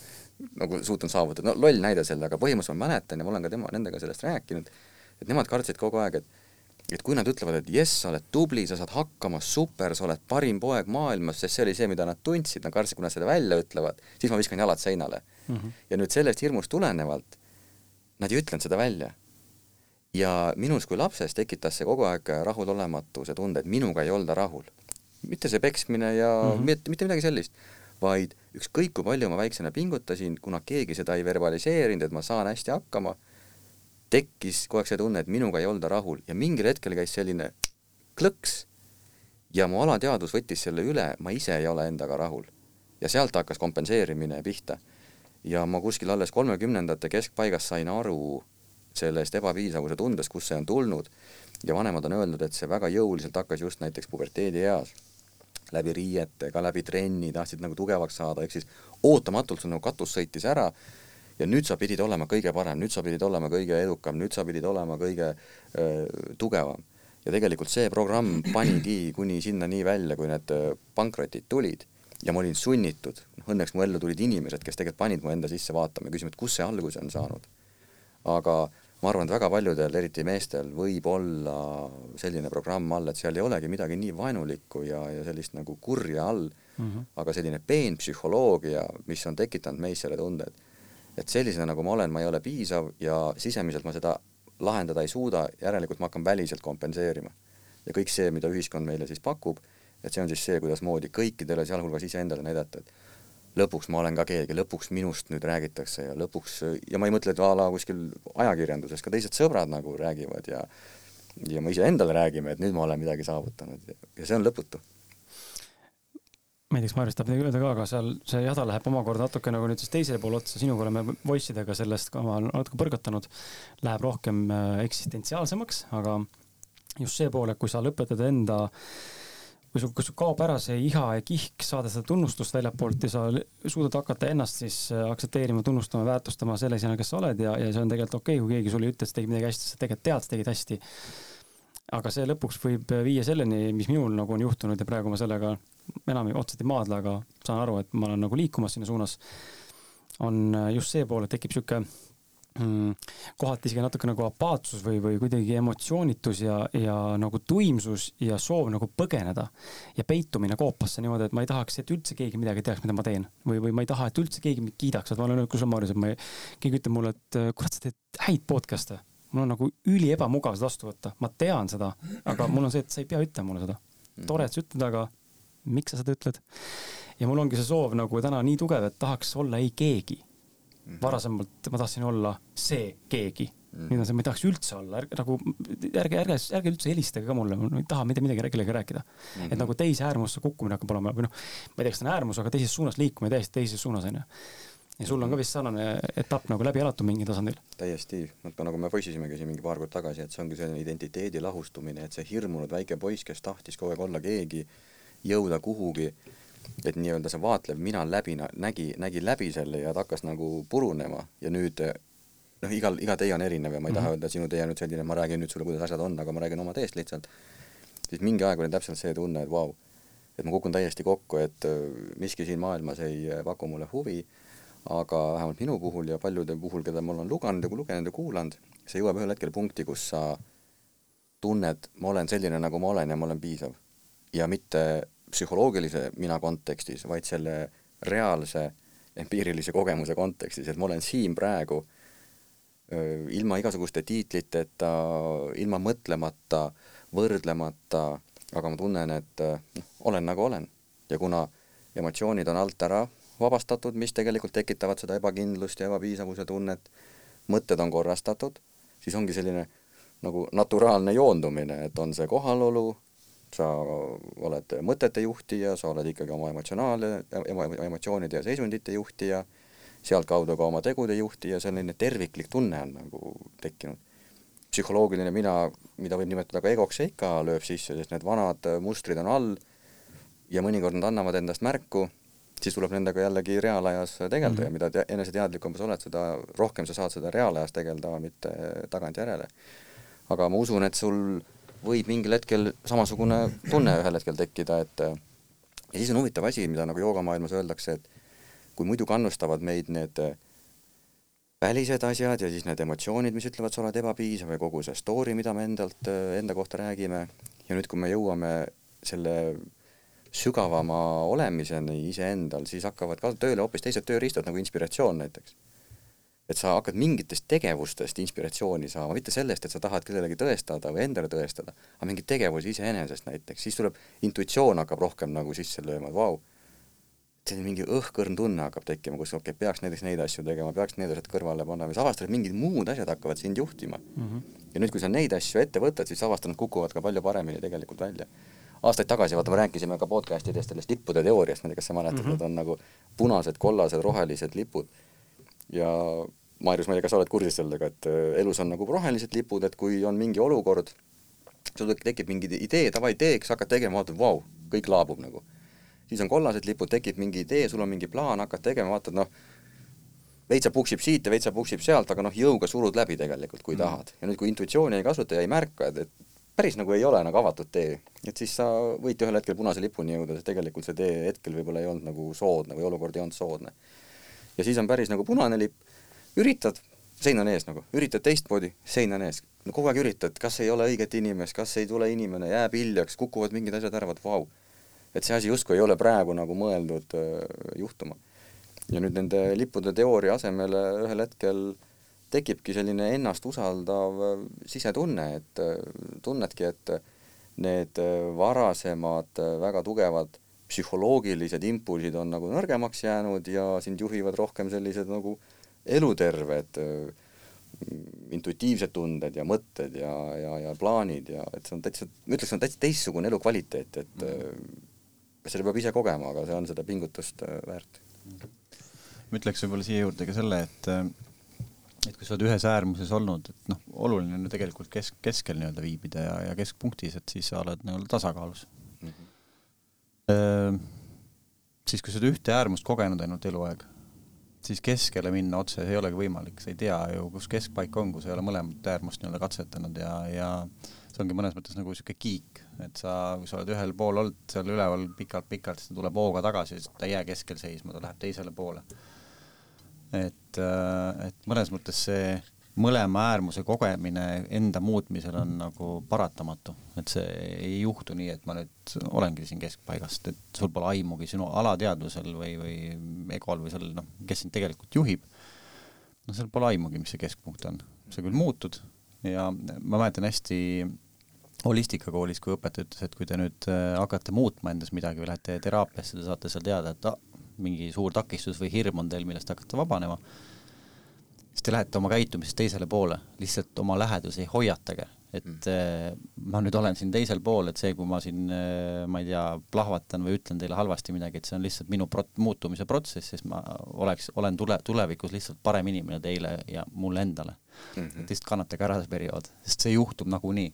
kui seda ei juhtu, siis, siis mina usun seda, et inimene hoiab ennast lihtsalt tagasi, et ta ei julge sinna teise äärmusse tegelikult minna, tal on seal mingid hirmud ja, ja ta ei julge nendele hirmudele otsa vaadata, sest tihtipeale, et vältida hirmu, me loobume oma tõekspidamistest. et pigem me loobume tõekspidamisest, et seda hirmu nagu esile mitte kutsuda. ma ei saa, saate aru, mis ma mõtlen? et see teises äärmuses olemine on igati terve ja tervitatav, et saaks keskpunkti jõuda lõpuks jah, natuke sõltub ka usutavasti sellest teisel pool, nendest teistest inimestest, et kuidas nemad seda vastu võtavad, sest et kui minul see muutumise protsess pihta hakkas, siis mind ikka tituleeriti usklikuks ja hulluks läinuks ja, ja, ja kõigeks selliseks, et jah, aga seda ei saa ja. sina kontrollida. absoluutselt, absoluutselt. nagu lihtsalt jah, sest teiste, vaata, kui süsteem muutub, sina oled ka mingi süsteemi osa, eks ju mm, -hmm. laiemalt, eks ju, maailma inimkonna osa, noh, maailma inimkonda see ilmselt ei puuduta, kui sina hakkad siin muutuma ka väiksemad süsteemid on kõik ju väga tugevalt sinuga seotud. Ja kõik noh, süsteem on nagu, otsib oma niisugust nagu mugavuskohta kogu aeg. Mm -hmm.. noh, inimene tahab nagu mugavust või alateadvuse, kõik tahaksid, kõik oleks nagu nii-öelda harmooniline, mugav. Yeah. ja kõik on siis selles süsteemis mugavalt, sina järsku see üks süsteemi osa ei ole enam see mm, -hmm. millega kõik harjunud, siis läheb kõik eba, kõik hakkavad uut seda mugavuspositsiooni otsima, sealt võivad tulla mingid ähvardused või solvumised või mis iganes, vaata mm, -hmm. kuni see siis jälle kõik uue sinu, sinuga nii-öelda või siis võib-olla ka sinuta lok, paika loksub. see võib ka ära laguneda. absoluutselt, jah mm. -hmm. mul oli äh,, tekkis see küsimus, oota ma korra mõtlen nüüd, see oli seotud äh, mm, ah, autentsusega et äh, tahaks enese, enesekindlusest ja autentsusest rääkida korra ka. ma tuleks autentsuse juurde just, et äh, me rääkisime enne sellest, et äh, oma teekond, eks ole, sina mainisid, Kaido, siin neid äh, lipukesi ähm,. Võime siin seda mainida intuitsiooni kuulamisena või vaata märkide lugemist äh,, mis iganes asja me siin jälgime, aga et on asjad, mis liiguvad ja asjad, mis ei liigu. nii, kas te olete mõelnud vahepeal äh, selle peale või märganud oma elus, kui te nüüd praegu, praeguse küsimuse mõtlete oma elu peale ja erinevatel etappidel, erinevatel projektidel, millega te seotud olete olnud ja kodused kuulajad ka siis, et kas autentsus või autentne, autentsena olemine, autentsena eksisteerimine, sina ise olemine, iseendaks jäämine on mõjutanud seda teekonda, mitte? sest äh, ma ise märkan, mul on kogemus endal isiklikult olemas läbi podcast'i näite, mm, mis mõjutas väga palju teisi valdkondi elus, kõike peaaegu mõjutas. ja, ja teistpidi ma näen äh, ka ümberringi olevaid inimesi mingeid, keda ma tunnen või, või kuskilt näen, märkan. jällegi ma ei tea lõpuni tegelikult seda tõde, aga mulle tundub, et mõni inimene ei ole üldse autentne. Ja, ja, ja siis tekibki see teadmine või arusaamine või vähemalt mul on tunne, et see nii võiks olla, et kui me päriselt oleme lõpuni autentsed, et siis see teekond on veel voolavam versus see, et meil on voolav teekond, aga me ise oleme nagu natuke võltsid või etendame seda maski või mingit rolli, eks ole, et me surume ennast mingisse standardisse või, või nii peab käituma mingi juht või nii peab olema partner või nii peab olema kindlasti laps või mina lapsena või mina mehena onju või, või mis iganes veel. et ainult nii saab seda asja teha. Aga kui me suudame nagu päriselt äh, lasta enda sellel tugevustel ja nõrkustel esile tulla nii-öelda või neid näidata päriselt ja need, äh, seda emmata onju või omaks võtta, et siis see teekond äh, läheb veel rohelisemate lippude nagu suunas võib-olla on see ka nii, et siin ongi mingid rollid, kus me ei pruugi saada olla lõpuni autentne, noh näiteks mm -hmm. sina oled praegu nagu tegevjuhi rollis, sa peadki seal rollis olema, sa pead mõnikord tegema asju, mis ei ole näiteks üldsegi loomulik sinu natuurile mm, -hmm. Kellelegi ma ei tea, kriitilise tagasiside andmine, kellegagi vallandamine, võib-olla ka millegi tähistamine tohutult suurejooneliselt, oma emotsioone selleks kasutama ja, ja ma arvan, et ükskõik mis rollis me oleme, ema, isa, sõber, me mõnikord tõenäoliselt tuleme ja teeme asju sellepärast, et see roll justkui seda eeldab. ja ma arvan, et niikaua, kui me teeme seda teadlikult, et see on teadlik valik, teadlik otsus, nii kaua on kõik okeigi, et me ei ole iseendaga konfliktis. ja arvatavasti me ei pane ka hullu. Aga hullu panemiseks räägin sellest samast oma loo teisest, nagu mündi teisest küljest. kui sul kujuneb välja lapsepõlves äh, rahulolematus iseendaga, ebakindlus ja sa hakkad seda kompenseerima kõige välisega, siis seal on tegelikult tohutu ju tühimik. see tegelik hirmunud sina ja siis see väline kest, ükskõik, kas see on siis läbi riietuse, oma väljendusviisi, mis iganes, aga seal vahel on tühimik ju ja paratamatult see mask või see loodud müür kukub mõnikord kokku või sealt no, paistab läbi, et midagi on nagu mäda. Ja noh, kuni ikka selliste naeruväärsete situatsioonideni välja ma olen ikka endale väga-väga palju häbi teinud, kus äh, tõenäoliselt kõik ruumis olevad inimesed mõtlevad, et mis sel tüübil nagu viga on, ma arvan, ma arvasin, et mingi normaalne tüüp, et miks ta niimoodi hullu paneb praegu. me naisega nimetame seda täristamiseks, et kui sa satud mingi, mingisse olukorda, tunned ennast ebakindlalt, siis üks viis on palju rääkida, mingit lolli juttu ajada ja, ja kuidagi hoida seeläbi justkui nagu enda jaoks sellist kontrollitud keskkonda, aga selle käigus võid ka mingit päris lolli juttu ajada, mida pärast äh, kahetsed näiteks. ja nüüd, kui sa hakkad äh, endaga siis tegelema ja endaga seda rohkem kontakti saama, siis autentsus on, ma arvan, selle loomulik äh, tagajärg. sest et äh, meid paneb neid lolle käike tegema ja lollid käituma seal all olevad mingisugused aktiivsed, väga võimsad äh, emotsioonid, see ebakindluse emotsioon. ja kui sa selle osa ära remondid, siis seda lihtsalt enam ei juhtu, sellepärast et minnes sellesse seltskonda, sa ei tunne ennast enam ebakindlalt ja need emotsioonid lihtsalt ei aktiveeru ja siis sa tunned, et niisama olla on ka okei okay, nagu. vait olla on okei okay,, mitte midagi öelda on okei okay mõelda, enne kui ütled, on okei okay,, et kõiki asju on okei okay teha, sellepärast et äh, see ju on niimoodi, see on, see on aus vastus praegu. et äh, sa enam ei loo seda, seda maski. ja ma arvan, et need juhtuvad üsna käsikäes mm. -hmm. Maarjus, mis sinu kogemus on? maskid ja ebakindlus ja? no äh, ebakindlusega on mul jah, nagu minu üks niisugune suurem arengusamm oligi see, kui ma holistikakoolis grupi ees kõva häälega ütlesin, et ma olen eba, täiesti ebakindel mees ja ma olen lihtsalt äh, kõike petnud kogu aeg terve elu mm. -hmm. seda oli nagu ülihäbi öelda ja noh, see oli üks siukse noh, ikka kanges, kangelaslik tegu mm -hmm. mulle endale, aga pärast seda hakkas kõik nii-öelda paika loksuma, et just seesama tunne, mida sa kirjeldad, et äh, noh, see, see ei juhtunud kohe pärast seda mm -hmm. ütlemist, see on ikka pikk protsess olnud, palju siukseid sariteraapiaid on ju ja nii edasi ja nii edasi, aga sealt hakkas see kõik pihta, et, et äh, noh, kus ma täna teen seda podcast'i, ma ei, ma ei mõtle läbi, vaata, et ahah, nüüd tuleb see küsimus või, või kuidas, kuidas ma ennast väljendan või noh, see noh, see lihtsalt tuleb, vaata. ja see, see enesekindlus nagu tekkis sealt. et äh, jah, neid, neid maske on ju täiesti erinevaid, kuidas keegi nagu käitub, kui ta on ebakindel äh,. sina ütlesid, sina hakkad siis täristama, eks ju, hästi palju lobisema. mina pigem lähen äh,, ma parem ei ütlegi mitte midagi mm.. näiteks äh, mul oli väga pikalt äh, suur hirm hüljatud saada, noh, täna on mul see samamoodi veel sees, aga, aga ma olen sellega väga palju tööd teinud, aga just gruppide poolt. ehk et äh, kui ma läksin kuhugi uude gruppi, mingisse klubis, mida iganes, siis mulle võttis aastaid, enne kui ma julgesin olla mina ise, sest ma kartsin, et kui ma midagi valesti ütlen, siis on mul esiteks mingi häbi, on ju, kõik vaatavad, kas lollakas ja mm -hmm. noh, lõpuks on see, et, et noh, nad paluvad mul lihtsalt mitte tulla enam, on ju. ei taha suhelda nagu. ma parem nagu noh, lihtsalt nagu siis naersin, mingin enne naljade üle ja noh, siis kui teadsin, et äkki ma tean mingit head anekdooti, siis ma nagu ütlesin, siis ma tegin nagu nalja, sest noh, see meeldib alati inimestele, ma püüdsin nagu meeldida kogu aeg. Et mina siis äh, käitun pigem nagu niipidi, et äh, et äh, jah. kas sa hakkasid märkama seda ka, et sa elad vales, kas see jõudis nagu sinu teadvusesse, et ma elan vales mm,?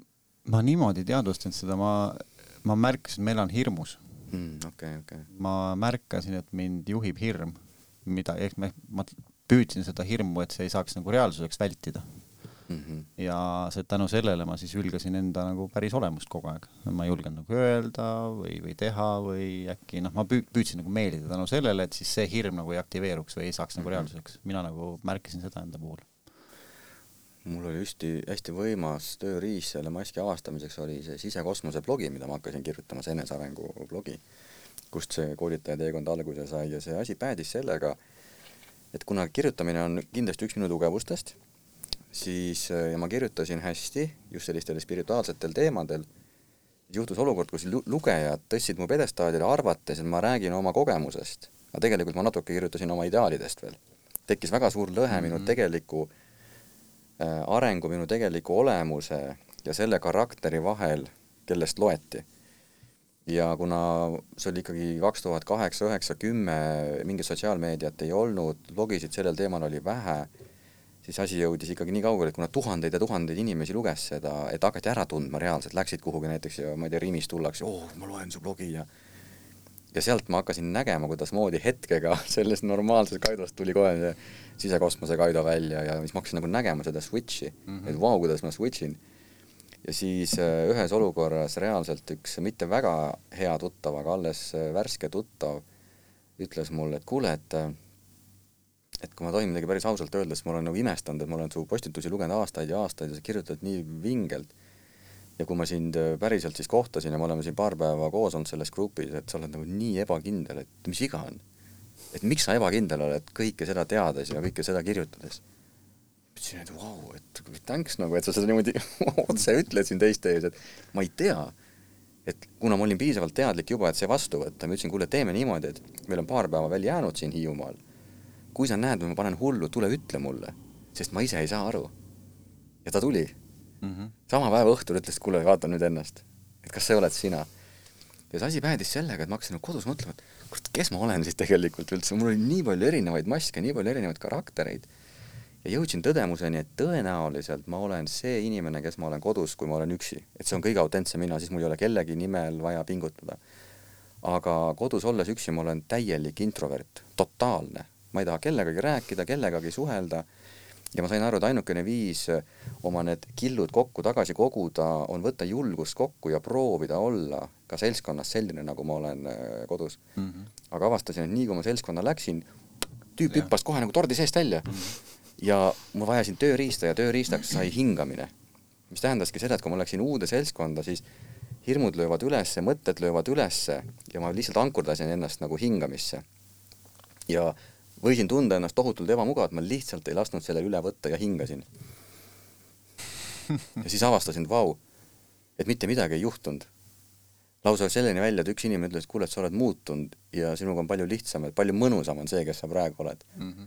ja niimoodi hakkas see pihta ja ma arvan, et see kestis umbes äh, kaks aastat, kuni see muutus selliseks nagu loomulikuks, et enam see tüüp ei hüpanud välja.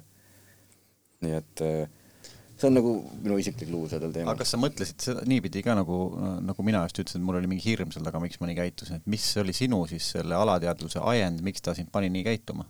see, mis sa mainisid, olla, olla äh,, olla tahetud mee-, et meeldiks mm. -hmm. ja ma ise kujutasin ette, et ma nägin mingisuguseid tüüpe, keda ma jäljendasin, mm -hmm. tundus, et nemad on ägedad mm. -hmm. Nad olid üldjuhul sellised nagu naljamehed, ägedad, tegid äh, olid sellised seltskondlikud lõbusad ja ma püüdsin siis nendesugune olla, aga ilmselgelt see kukkus nagu mhm. võltsilt välja ja see tõenäoliselt oli hale naljakas, mitte naljakas.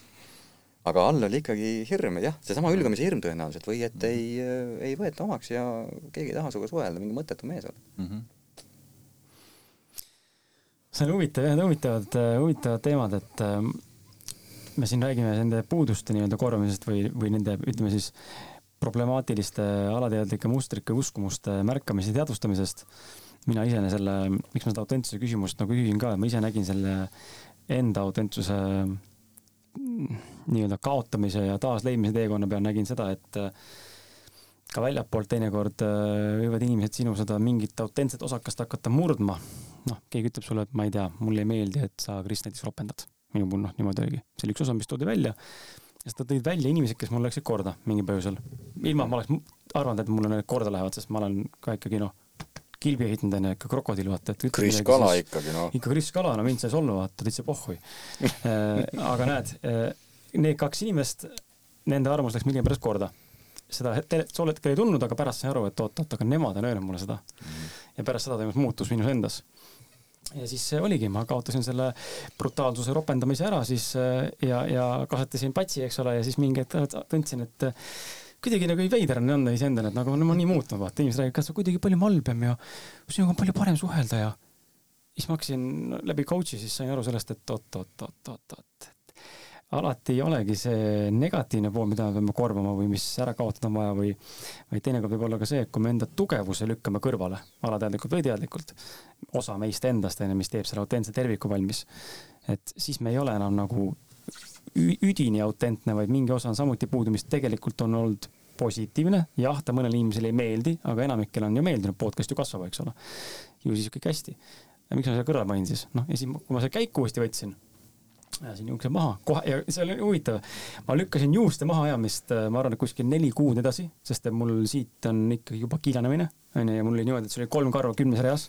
okei okay,, mitte nii hull, aga enam-vähem hakkas juba, noh, siin oli tegelikult ikkagi juukst lahti, sa näed, see on laik ja patsiga sai varjata seda onju siis, aga mulle pats meeldis, noh teistsugune onju. aga juukst ei kasva enam ja siis maha ei tahtnud ajada, kahju oli. ma mõtlesin siirdamise peale ja mis iganes veel, võtan naise juukse, panen endale pähe ja ja siis lõpuks, kui tuli see teadmine, et oot-oot-oot-oot-oot, see brutaalne Kris on ju kiilakas. mis kuradi patsist me siin räägime, kes ma olen viimased poolteist aastat, kaks aastat olnud. ja siis tuli see teadmine, et kõik, ma homme ärkan ülesse ja ma ajan juuksed maha ja ma tegin seda ja fantastiline tunne ja mul tuli kohe väljapoolt peegeldus, oh kuule, sa oled muutunud kuidagi. mitte ainult juuksed, aga teine särk on seljas või? mingi särk on nagu. ja, ja inimesed ütlesid, ütlesid kohe ka selle iseloomu kohta ja eneseväljenduse kohta samamoodi, tundub kuidagi teistsugune, kuidagi palju nagu rahulikum ja kuidagi nagu sina rohkem ja kuidagi nagu enesekindlam, jõulisem ja lahe noh, ja, ja lihtsalt jälle läbi selle, et sa tegelikult võtsid selle enda osa, mis on sinu autentne osa, võtsid tagasi pilti kasutusse. mitte ei surunud seda alla, sest tegelikult see oli tugevus, aga mõnele inimesele ei meeldinud. et see on ka teine pool alati, mis ma nagu näen, et alati ei pea neid miinuseid korvama või tähele panema, vaid märgata, märgata ka neid tugevusi, mida sa alla surud või tahetakse sinu puhul alla suruda mingil põhjusel et kas teil endal on ka mingit sellist kogemust olnud, kus te näete, et te olete milleski nagu noh, mingi tugevus, eks ole, mis tegelikult tohutult teid aidanud, drive inud ja on osa teist, aga, aga osadele inimestele see no kohe üldse ei meeldi tekitab konflikti. ja siis viib selleni, et sul endal on konfliktis enda sees tegelikult selle asjaga. mul on pigem see mure, et äh, ma ei tunne, et mul eriliselt üldse mingeid tugevusi oleks peale kahe, mul on kaks tugevust ainult ja mõlemad on need, millega ma olen nagu oma tööga ära sidunud. et äh, et mõnikord ka kodus niimoodi naljatame ja lastega ja, ja siis ma tunnistangi, et mul, mulle tundub, et mul mitte midagi muud ei ole nagu kaasa antud või sellist, kui ainult see, et sa äh, oled, äh, gruppidega saad hästi hakkama ja seetõttu ma ei oskagi su küsimusele vastata, et äh, mul on see tugevuste teema olnud nagu väga-väga segane ja siiamaani on väga-väga segane, et kuna ma lähen hästi niimoodi kulgemises, siis tuleb tunnistada, ma ei ole väga palju sedalaadi nagu auditeid teinud, vaid äh, ma olen pigem üritanud kõigest vabaneda, mis, mis tundub olevat, et see ei ole mulle loomulik, võib-olla see ongi vastus sellele mm, -hmm. et, äh, et kõik, mis tundub natukenegi ebaloomulik kuidagi kellegi teise pärast või, või, või millegi teise pärast, äh, samal ajal loomulikult vaata, siin peab jälgima seda, et ei tee teistele liiga. et ka see sinu ropendamise teema, ilmselgelt olles sinu podcast'e palju kuulanud, iga kord, kui sa seda teed, ka mul korraks kihvatab sees, ka meeste, meesterahvana. ja mitte nagu enda pärast, vaid äh, mul jooksevad kohe mingisugused äh, naisterahvad silmadest läbi, ma ütlen, kui mul endale ema praegu kuulaks seda ja kui talle see jutt isegi nagu meeldiks, siis tõenäoliselt see on see koht, kus ta mhm. paneks selle kinni ära. ja see tigerdab erinevaid asju mm, -hmm. sina teed seda sellepärast, see on sinu jaoks loomulik ja mingi sõna sinu jaoks võib-olla tähendab ühte asja mm -hmm. ja see on lihtsalt nagu mingi kõnepruuk. aga kellegi teise jaoks sel hetkel võib see asi nagu päriselt silme ette hüpata ja võib-olla tal on raske sealt teema jätkumisega edasi nagu liikuda. et, et selle koha pealt äh, aga sa mõistad, mida ma, ma väga hästi mõtlesin, no võib-olla teine küsimus, parem, kuidas sinu vastuseni jõuda sama küsimusega on see, et kas on olnud äh, mingeid osakesi sinust, mida sa oled äh, teadlikult võimendanud, mis on autentsust suurendanud? ma arvan, et äh, pigem siin ma oskan öelda, et ma olen, millest ma olen ikkagi loobunud mm. -hmm. ja ma olen võtnud vastu selle osa, et ma, ma võin olla armastatud ka siis, kui ma ei ole nii jutukas, nii lõbus, nii vaimukas, nii teravmeelne, nii nutikas, kõik on need asjad, mida ma olen tahtnud olla vaid äh, et ma võin olla armastatud ka siis, kui ma olen nagu vaikne ja veitsa sellise aeglase loomuga ja võib-olla ei tule nii kiiresti mingid ägedad naljad, nagu siin mõnel mehel tulevad ja aga see ongi autentsuse suurendamine, sa oled, sa oled, võimendad ju, laiendad seda, mis ja. on sinul loomulik. mis äh, sul mõtted tekivad, Maarjas? ma olen nagu Kaidoga siin ühel meelel, et ma ei, ma ei oska ka välja tuua, aga ma, ma tean seda, et äh, kui ma teraapias uurisingi seda nagu hirmu nii-öelda hüljatud saada siis mingi grupi poolt, sest igal, igal asjal, ükskõik mida me teeme, on alati ka positiivne pool, eks ju, siis äh, terapeut hästi mu käest küsis, aga mis, mis, mis, mis sa positiivset sellest saanud oled, et sa nii-öelda oled siis ennast kohandanud tänu sellele, et sa tahad siis nii-öelda seda tunnustust või seda nii-öelda accept'i, et jah, sa oled kuulunud meie hulka. ja sealt tuli nagu päris palju siukseid asju, kes ma tegelikult täna olen ja ma olen väga tänulik selle eest, eks ju, ma olen siin, ma ei tea, seal sai väga hästi selgeks, et ma õppisin kitarri mängima tänu sellele, et, et siis nagu noh, anda mingile grupile siis niisuguse nii-öelda lisa, muusikuna nii-öelda mingit lisaväärtust, eks ju, sest noh, paljud siis laulavad ja mängivad kitarri tavaliselt ei ole, ühel mehel on kidra kaasas, siis ta on tehtud mees, eks ju mm. -hmm. Ja, ja nii edasi ja nii edasi, et, et kusjuures, kui ma pärast, pärast selle must-, mustriga nagu töötamist minu kitarri õppimised ja mängimised jäid nagu tunduvalt, tunduvalt vähemaks, sest mul tegelikult alateadvusel ei olnud vaja seda enam mm. -hmm aga noh, neid äh, asju, mis, mida ma siis tänu sellele nagu juurde õppisin või, või noh, oma energiat noh, kõvasti panustasin, oli nagu palju, et äh, ja seda oli nagu tegelikult väga hea teada või, või endal nagu teadvustada ka, et, et ei, ei teki nagu seda mõtet, et, et äh, noh, ma olengi nüüd nagu valesti elanud või, või, või noh, näed, et ma, see oli minu hirm ja tänu sellele ma nagu siis nüüd olen mingid aastad nagu raisku lasknud, et vastupidi, et see hirm tõi minus esile hoopis mingi siukse külje, mida ilma selle hirmuta ei oleks üldse olnud, ma ei, ei mängiks täna kitarri näiteks, onju. või ma ei oleks lugenud nii palju mingeid raamatuid, ma ei, mu silmaringi oleks võib-olla nii lai, sest et ma võib-olla lugesin ka mingit äh, raamatut tänu sellele, et äh, siis esineda seal mingite teadmistega, et näed, aa mm, -hmm, näed, see kirjutas seal seda ja teist, et noh, tegelikult igal pool, ükskõik mida me teeme, on alati ka see positiivne pool ja, ja ja mina enda kogemusest saan ka öelda, et tasub see alati üles otsida, isegi kui te nüüd saate, kui inimene saab aru, et ah, ma olen valesti elanud või, või mingi teine, mingid hirmud on mind suunanud, siis alati on seal ka midagi positiivset. ja hästi see terapeut mu käest küsis ka, et kui sa nüüd need positiivsed asjad oled endale üles lugenud, me olime mingis rännakus, eks ju, seal alateadvuse rännakus. kas sa tahad sellest loobuda? sa oled nüüd teadvustanud, mida see sulle positiivset on toonud, eks ju, ja siis ma olin, võtsin selle teadliku vastuse ja ma tahan ja siis me seal noh, tegime seda oma protsessi, eks ju, ja siis see nii-öelda kadus, mõne aja pärast siis muidugi. et seda ma tahtsin tuua. see viib mind mõtteni ja võib-olla ka küsimuseni teie, teile kohe, et mis teie arvate sellest, et et kui me nagu vaatame sellises nagu läänemaailma võtmes, siis meil on üks elu, et noh, YOLO põhimõtteliselt. aga kui vaadata idamaade filosoofias, siis meil on ju palju elusid. et kas võib ka niimoodi filosofeerida, et ka need negatiivsed programmid, mis kaasa tulevad, et nad on negatiivsed ainult meie isiklikus kogemuses mõnda aega, kuni me nad siis nagu tervendame või korda teeme. aga tegelikult ilma nende negatiivsete programmideta me ei suudaks äkki luua seda positiivset, mida me täna teeme, et noh, ilma näiteks minu rahulolematuseta ei oleks mul kaugeltki sellist ambitsiooni ja valmidust nii palju pingutada olnud, nagu ma olen tegelikult pingutanud, et ka selle motivaatoriga teatud sellise momentumini nagu äh,, nagu jõuda. Ja kui mõtlen tagasi, kui palju, kui palju ma olen pingutanud, et sinna sisekosmosesse ma kirjutasin mingi, ma arvan, mingi viissada enesearengu artiklit, täna motivaatorisse ma olen kirjutanud seitsesada juhtimisalast ja mul on, see on esimene suvi, kus ma olen veits, veitsa lõdvemani võtnud, sest üks sotsiaalmeedia spetsialist ütles, et kuule, sul on nii palju artikleid, et kasuta neid mitu korda. aga muidu mul oli niimoodi, ma ärkasin esimesest juunist alates iga päev kirjutasin kolm artiklit, ma kirjutasin suvega üheksakümmend artiklit, erinevat, erinevat juhtimisalast artiklit ja ma leidsin eneses seda motivatsiooni. ja nüüd natukene siin on see asi, et ühel hetkel, kui sa hakkad seda sisemist rahu kogema, siis see suvi mul oli raske nagu leida seda motivatsiooni mm., seda üheksakümmend, sest et on kadunud ära selline vajadus võita, vajadus olla see superäge koolitaja ja vajadus teenida selle kaudu. nii et minu jutu küsimus ongi, mis, mis te arvate, et kas see võib olla ka selline salakaval trikk, et tegelikult me tulemegi mingite programmidega, võime seda karmaks või kuidas iganes nimetada et peabki nii olema, peamegi sellised vanemad saama, kes meile sellised draamad äh, tekitavad, me peame sellisesse sõpruskonda saama, kes tekitab meis mingisuguseid mustreid, kujundab meid, et lõpuks siis seda remontida ja remondi käigus ise terveneda, aga võib-olla samal ajal luua ka maailma väga palju väärtust. näiteks sinu podcast'ide näitel. mina olen, äh, pigem vist olen sama meelt, et ma lühidalt võib-olla, kuidas mina nagu täna mõistan või olen, tunnetan ja kogemusest olen aru saanud ja, ja infost, mida lugenud oled, eks allikatest, et vaatan seda elu kui multidimensionaalset füüsikat, eks ole, mitte ainult, et see siin füüsiline maailm, et siin on ikkagi enamat ja hiljem pärast võib-olla ei olegi hiljem pärast, võib-olla on kõik tegelikult paralleelsused, me seda ei saa aru, ei tea täna. aga ma arvan, et kõik on suures laastus ette määratud, sa ise mainisid ka saate alguses sama asja, et see, see, see teekond on ette määratud, aga need kõik teed viivad Rooma, on see hea lause, mis kõrva sobiks, et see, kus ma sinna kohta jõuan oma elu lõpus, mis iganes vanuses ma siis siit lahkuma peaksin.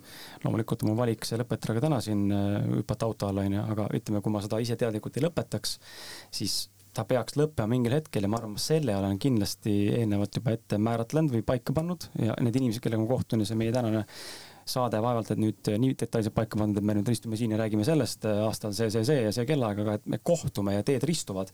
ja mida me teeme, siis see on meie enda vaba valik ja vaba tahe on ju, kuhu see pall nagu lükata või see suund anda.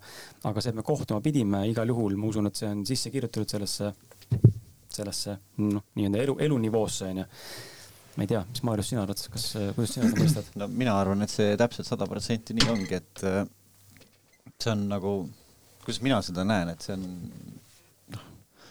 see on kõik mäng ja, ja seda, seda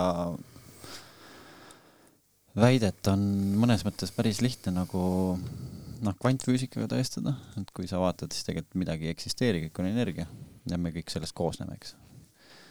et see peab olema nagu loodud ja, ja inimkond on täna, meie siis oleme jõudnud sinnamaani, et meil on arvutid. me oleme põhimõtteliselt võimelised looma arvutisse oma maailma, oma seadustega, paneme sinna looma sinna siis programmid ehk siis inimesed, neil, kellel on vaba valik nendes piirides, mida me muidugi neile anname, luua oma maailma, uurida. ja nad jõuavad lõpuks sinna tulemuseni, et hakkavad uurima, et millest me kõik koosneme, eks ju, ja vaatavad ja siis nad leiavad, me koosneme nullidest ja ühtedest, on ju kõik, kõik koosneb ühest samast asjast, on ju, kuigi me tajume seda kõik teisiti.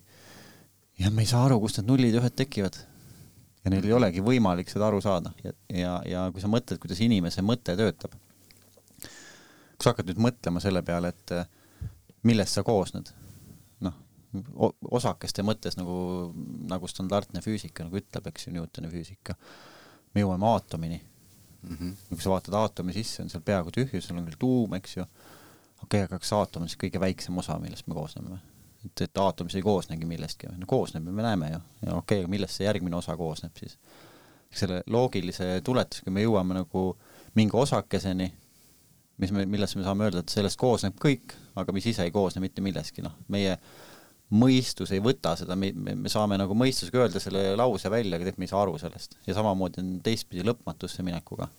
ükski inimene ei oska seda tunnetada, mis on lõpmatus, tegelikult ei tea, noh, me, me, me suudame tunnetada seda, et kui, mis oleks, kui me nagu äh, läheme laiali siia nagu, oleme nagu kõigega üks, aga, aga kontseptsioon lõpmatusest on täiesti noh, hoomamatu inimmõistuse jaoks. et kui sa nüüd mõtled seda, et äh, keegi, kes on selle süsteemi loonud, ongi öelnud, et noh, sa ei saa nagu väljapoole vaadata, eks. -hmm. kui ma, kui ma ei luba mm, -hmm. et see ongi sinu süsteem. ja kui sa hakkad nüüd mõtlema, et aga nüüd see, see programm, kes, kelle meie siia arvutisse loome, jõuab ka sinnamaani, et tema suudab nagu jälle sinna omakorda see, selle luua ja arvutid ja värgid ja siis mitmes nagu selline, mitmes selline koopia me siis oleme, oleme.. just, ja mulle meeldib mõelda seda, et, et see ongi niisugune kogemus siin kõik kõik need halvad, halvad tunded, see ongi kõik kogemus, see on elu osa, sest kui me sünniksime ja meil ei ole mingeid halbu tundeid, me oleme duaalses maailmas, et me, me oleme loonud kas iseendale või keegi on meile loonud selle kogemuse, et meil on halvad ja head, me, me sildistame kõik, eks. kui me enam ei sildista, noh, mina kutsun siis seda nagu see ongi siis nii-öelda mõnes mõttes valgustumine. ja nagu Buda ütles, et pärast valgustumist või, või teada saades, kes ta on, ütles, mul ei ole vahe, mul ei ole mõtet elada siin enam, sest et mm -hmm. siis tekibki see koht, mul ei ole mõtet elada. kui mul on ma vaatan Kaidot või Krissi, mul ei teki emotsiooni ei head ega halba, see on kõik neutraalsus, mis ma teen siis. ja kui ma siin sünnin sellisena, noh, miks ma siis tulen, et selles mõttes kõik need äh, emotsioonid, mis meid panevad midagi tegema, ongi vajalikud, et me saaksime kogeda seda süsteemi nimega elu või mängu nimega elu. ma arvan, et kui me sureme, siis me teisel pool võtame need äh, VR-prillid nii-öelda ülekantud mm -hmm. tähenduses ära, et oo, see on küll kihvtilt kirjutatud programm mm. -hmm. ja, ja seal on see reaalsus midagi täiesti teist, mida me siis seal kirjutades ei andnud võimalustki meil siin nagu aru saada, et me ei saa nagu seda nagu arvut-, noh, välja vaata. arvutiprogramm ei saa ka kogeda seda meie meie olemust siin, kui meie siin loome siin arvutiprogrammi, et tema ei saa tulla siia meie reaalsust kogema mitte kuidagi mm. -hmm. ainult mõttes, et selles nii-öelda idees on ta siis meil siin olemas, aga ta ei saa ise nagu füüsiliselt tulla siia, noh, kui me ei tee just mingit kaamerat näiteks, et noh, ta saab vaadata. tehisintelligent, eks, või intelligents ja selles mõttes, aga ta füüsiliselt ei saa osa võtta siis meie maailmast. ja ma arvan, et seal teisel pool on midagi sarnast mm. -hmm. ja kvantfüüsika toetab seda kõik tegelikult täna juba. jah, jah. nii et see on väga põnev, et sa selle kvantfüüsika sisse tõid, sest äh, minu nii-öelda teekond algas sellest toona, kui ma hakkasin kirjutama kaks tuhat kaheksa, siis ma komistasin, nagu paljud on komistanud selle saladuse raamatu otsa. ilmselgelt ma olin nagu oma eluga täielikus ummikus ja tundus olevat väljapääs. nagu ilmselt enamik. jah, lõpuks ometi ma jagasin ära, et hoopis niimoodi saab rikkaks sest ega mu motiivid ei olnud kadunud ja siis ma hakkasin seda kõike kirjutama ja uurima, aga üsna kiiresti selline ratsionaalne mehe mõistus nagu jõudis tupikusse, et kurat, nii lihtne see ei saa ikka olla, et istud ja mõtled ja ja kõik unistused äh, täituvad. ja siis ma hakkasingi uurima seda alternatiivset lähenemist ja, ja mul on terve e-kursus sellel teemal tehtud toona, et kuidas luua eduteadvust, see ongi tegelikult seesama kursus, mille baasil ma hakkasin algul neid avalikke koolitusi tegema, kus ma võtsin need kvantfüüsika raamatud, populaarteaduslikud ja panin need hästi lihtsasse keelde ja tõepoolest sellisel ratsionaalsel tasandil on võimalik täitsa leida kinnitust, et, et äkki see ei ole päris nagu luulu, noh, sa selle Spliti eksperimendiga oled, oled kursis, kus võeti see pilu, see vaatamine. pilu, jah, et, et sõltuvalt sellest, kas keegi seda vaatas, see tegelikult muutis oma, oma vormi, et kuni selleni välja. nii et see on hästi-hästi põnev temaatika tõesti. ja see mitmedimensionaalsus samuti, et et võib-olla kõige vahetum kogemus, mida me kõik oleme tegelikult kogenud, ongi mingisugusest sellisest ebamugavast unest ärkamine, mul oli alles eelmisel nädalal oli mingi uni, kus käis mingi reaalne laskmine ja siis ma lasin mingid inimesed maha ja mul tohutu süütunne. ja siis mingi osa vaata on teadvel, mingi osa ju jagas ära, et see on uni ja ma mäletan hästi, kuidas ma tõmbasin ennast unest välja. sest ma ei tahtnud, need olid nagu kallid inimesed ja ja, ja, ja ma olin sunnitud seda tegema ja ma tundsin, et ei, ei stopp, ma tahan mängust välja saada nagu mm. -hmm. ja ma kujutan ette, et kriisiolukordades väga paljud inimesed, noh, miks tehakse ka enesetappe mm. -hmm. täpselt seesama tunne, et ma tahan siit mängust välja saada ja tõmban ennast välja mm. -hmm. aga olles viimastel aastatel lugenud ka palju sellist alternatiivset kirjandust äh, äh, nende kehaväliste kogemuste kohta, Robert Monroe ja kui ta oma selle instituudi lõi ja seal on ju väga palju dokumenteeritud teaduslikult äh, siis jama on selles, et see ei pruugi nii ilus olla, et kui sa siit tõmbad välja ja sa lähed selle teadvusega nii-öelda sinna äh, järgmisse dimensiooni, et siis sa lood sealt täpselt nagu sa lood unenäos, lood äh, sellise reaalsuse, mida peegeldab, mis, mis, peegeldab, mida peegeldab sinu teadvus, sa võid mhm. seal luua tegelikult endale veel hullema, veel hullema ja siis sa oled seal stuck nagu. nii et need on põnevad teemad ja on huvitav jah, et, et sa selle teema sisse tõid, et, et nende üle mõnus mõnikord mõtiskleda tead, ma, mm, me oleme siin nüüd mõtisklenud igast holistilistel teemadel, ma tahaks väga küsida su käest äh, hoopis siukse, siukse praktilisema poole pealt me.... kuidas rikkaks saada siis, et sa terve, terve saade rääkid sellest? no sa pead helistama siis sellele, kellest ma algul rääkisin, see Villiga või?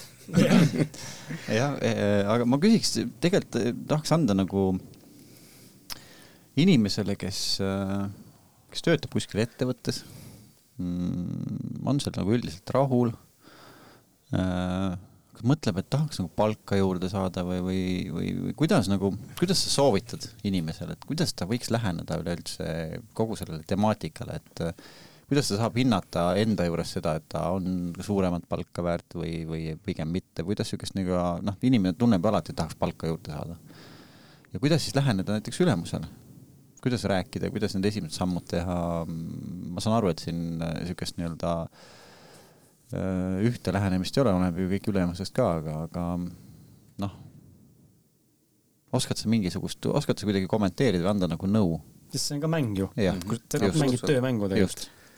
ma ei, oma töös väga palju selle valdkonnaga kokku ei puutu ja ma täitsa niimoodi inimesena vastan siis, mitte nii-öelda mingi juhtimiskoolitajana, sest et sellised teemad väga ei ulatu minuni.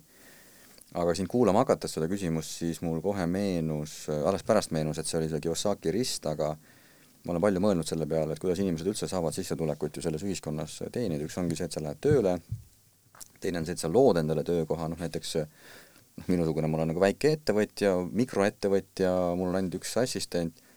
Ja ma ei ütleks, et ma väga palju erinen näiteks tööl käimisest, sest kõik minu kliendid on tegelikult nagu minu ülemused, kui klient helistab, ma mäletan täpselt sama tunne nagu Hansapangas töötades ülemus helistab, et noh, see, et meid seob lihtsalt teistsugune leping, see ei muuda midagi. kolmas on see, et sa tunned, et sa oled nii võimekas, et sa lood päris ettevõtte, kus on ikkagi, sa oled tööandja reaalselt. ja neljas on siis see, et sa oled investor, et sul õnnestub ikkagi invest-, investeerida. ja ma arvan, et see on hästi-hästi palju seotud ikkagi inimtüübiga, aga ka sellega, kui palju ta suudab ikkagi ennast mobiliseerida, mis omakorda on seotud kõige sellega, mida me oleme eelmine tund rääkinud, et kui puhtaks sa saad oma sisemaailma, oma hirmudest läbi, sa oma motiivides oled aus, miks sa mingeid asju teed ja mida rohkem sa oled endaga sügavamas kontaktis ja sa tunned, et jah, see valdkond pakub mulle huvi, minul on need tugevused olemas, et olla siis see tüüp, et seda, seda, seda rada pidi endale sissetulekut teenida. et siis see ka õnnestub kõige paremini.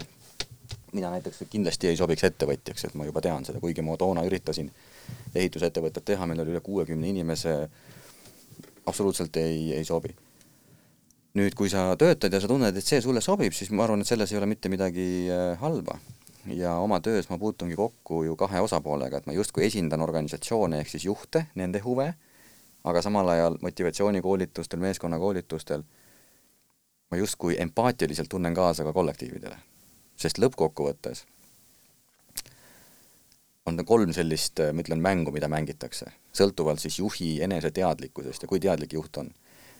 mäng number üks on see, et töötaja läheb tööle palka teenima ja ta teab, ega siit suurt midagi rohkem saada ei ole, sest nähes juhti, et see on veel nii sügavas pimeduses, et see ise arvab ka, et noh, ma loon sulle töökoha, tule tee tööd, maksan sulle palka ja see ongi meie diil. aga ilmselgelt äh, mõlemad püüavad siis enda jaoks kasulikku diili välja töötada. töötaja tahab võimalikult palju teenida, juht tahab võimalikult vähe maksta.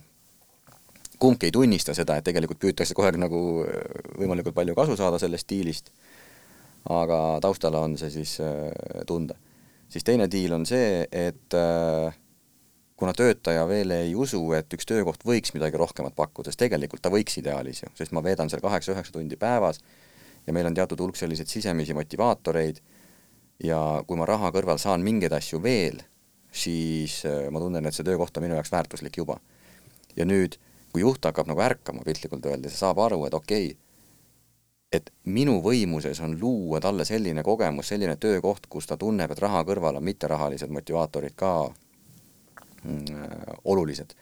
ja nüüd ta hakkab midagi nagu selle jaoks tegema, et töötaja ise seda veel ei usu, ta võib-olla suurt ei tunne, aga juht päriselt nagu hakkab midagi selle nimel tegema. ja siis käib ikka veel selline mäng nagu ja kolmas mäng on see, kus piltlikult öeldes kaasaegsed startup ettevõtted, kus mõlemad osapooled saavad aru, et et ilmselgelt ma ei käi siin ainult raha pärast nagu, et esiteks, ükski tööandja ei suuda mitte kunagi rahuldada rahaliselt kõikide töövõtjate vajadusi, vahet pole, kas sa töötad eh, koolitajana tootmisettevõtte tootmisosakonnaga, kus kõik on rahulolematud, palk on väike, või sa lähed panka, kus inimesed teenivad kolm-neli tuhat ja ikka räägivad, aga näed, seal makstakse palju rohkem sama töö eest, et et loota, et mõni töötaja ütleb, et kuule, ära mulle juurde pane. et pane teistele, ära mulle pane see aasta, et mul on, ma ei tea, mida teha nagu. et, et seda, seda nagu olukorda mitte kunagi ei teki ja nüüd ainukene võimalus ongi seal kolmandale tasemele jõuda, töötajad teavad, okei okay,, palgaturul makstakse sellise töö eest nii palju, mul tööandja maksab, ma ei tea, palgaturu uuring pluss viis protsenti, järelikult ta tegelikult maksab juba rohkem, kui ta nagu justkui keskmiselt Eestis sellise töö eest äh, makstakse, aga ma näen, et ettevõte on loonud tingimused selleks, et siin on nagu kihvt meeskond, tugev turvatunne, hea läbikäimine, siis teine on autonoomia, mulle antakse vabadus, mul on paindlik töökorraldus, kolmas on tunnustamine, ma näen, et juht annab mulle tagasisidet, kiidab, annab mulle ka arendavat tagasisidet ja ma tunnen, et ma päriselt nagu suudan midagi siin äh, saavutada. ja nüüd siit hakkabki mäng pihta ja vastus siis äh, sinu küsimusele, et äh, ilmselgelt, kui täna on sul palk nagu X eurot, aga sa tunned, et see palk võiks olla X pluss kakskümmend protsenti ja sa lähed lihtsalt selle jutuga juhi juurde, siis ka kõige parem juht, ükskõik, kas ta on ettevõtja või ta on palgaline juht, ta vaatab nagu erinevaid faktoreid, enne kui ta selle otsuse teeb. ja üldjuhul võetaksegi aluseks ju keskmine palk ja nüüd ta peabki tundma, et kas see töötaja midagi siis keskmisest nii palju rohkem pakub. võib-olla pakub, aga võib-olla ei paku. ja kui sellest nagu avalikult rääkida ja seepärast mina väga soo-, näiteks julgustan seda mõtteviisi, mida hakkab vaikselt ka Eestisse jõudma, et teeme palgad avalikuks. Et me teame näiteks meeskonnas, palju keegi palka teenib sest läbi selle on juhil võimalik näidata, näed, me väärtustame selliseid asju, me ei väärtusta ainult seda, et sa need, need teed ära, me väärtustame ka seda, et sa koosolekul kaasa räägid näiteks, me väärtustame seda, et kui mingid muudatused, et sa annad oma panuse nendesse muudatustesse, me väärtustame seda, et sa omavahel siin osakondade üleselt teed koostööd.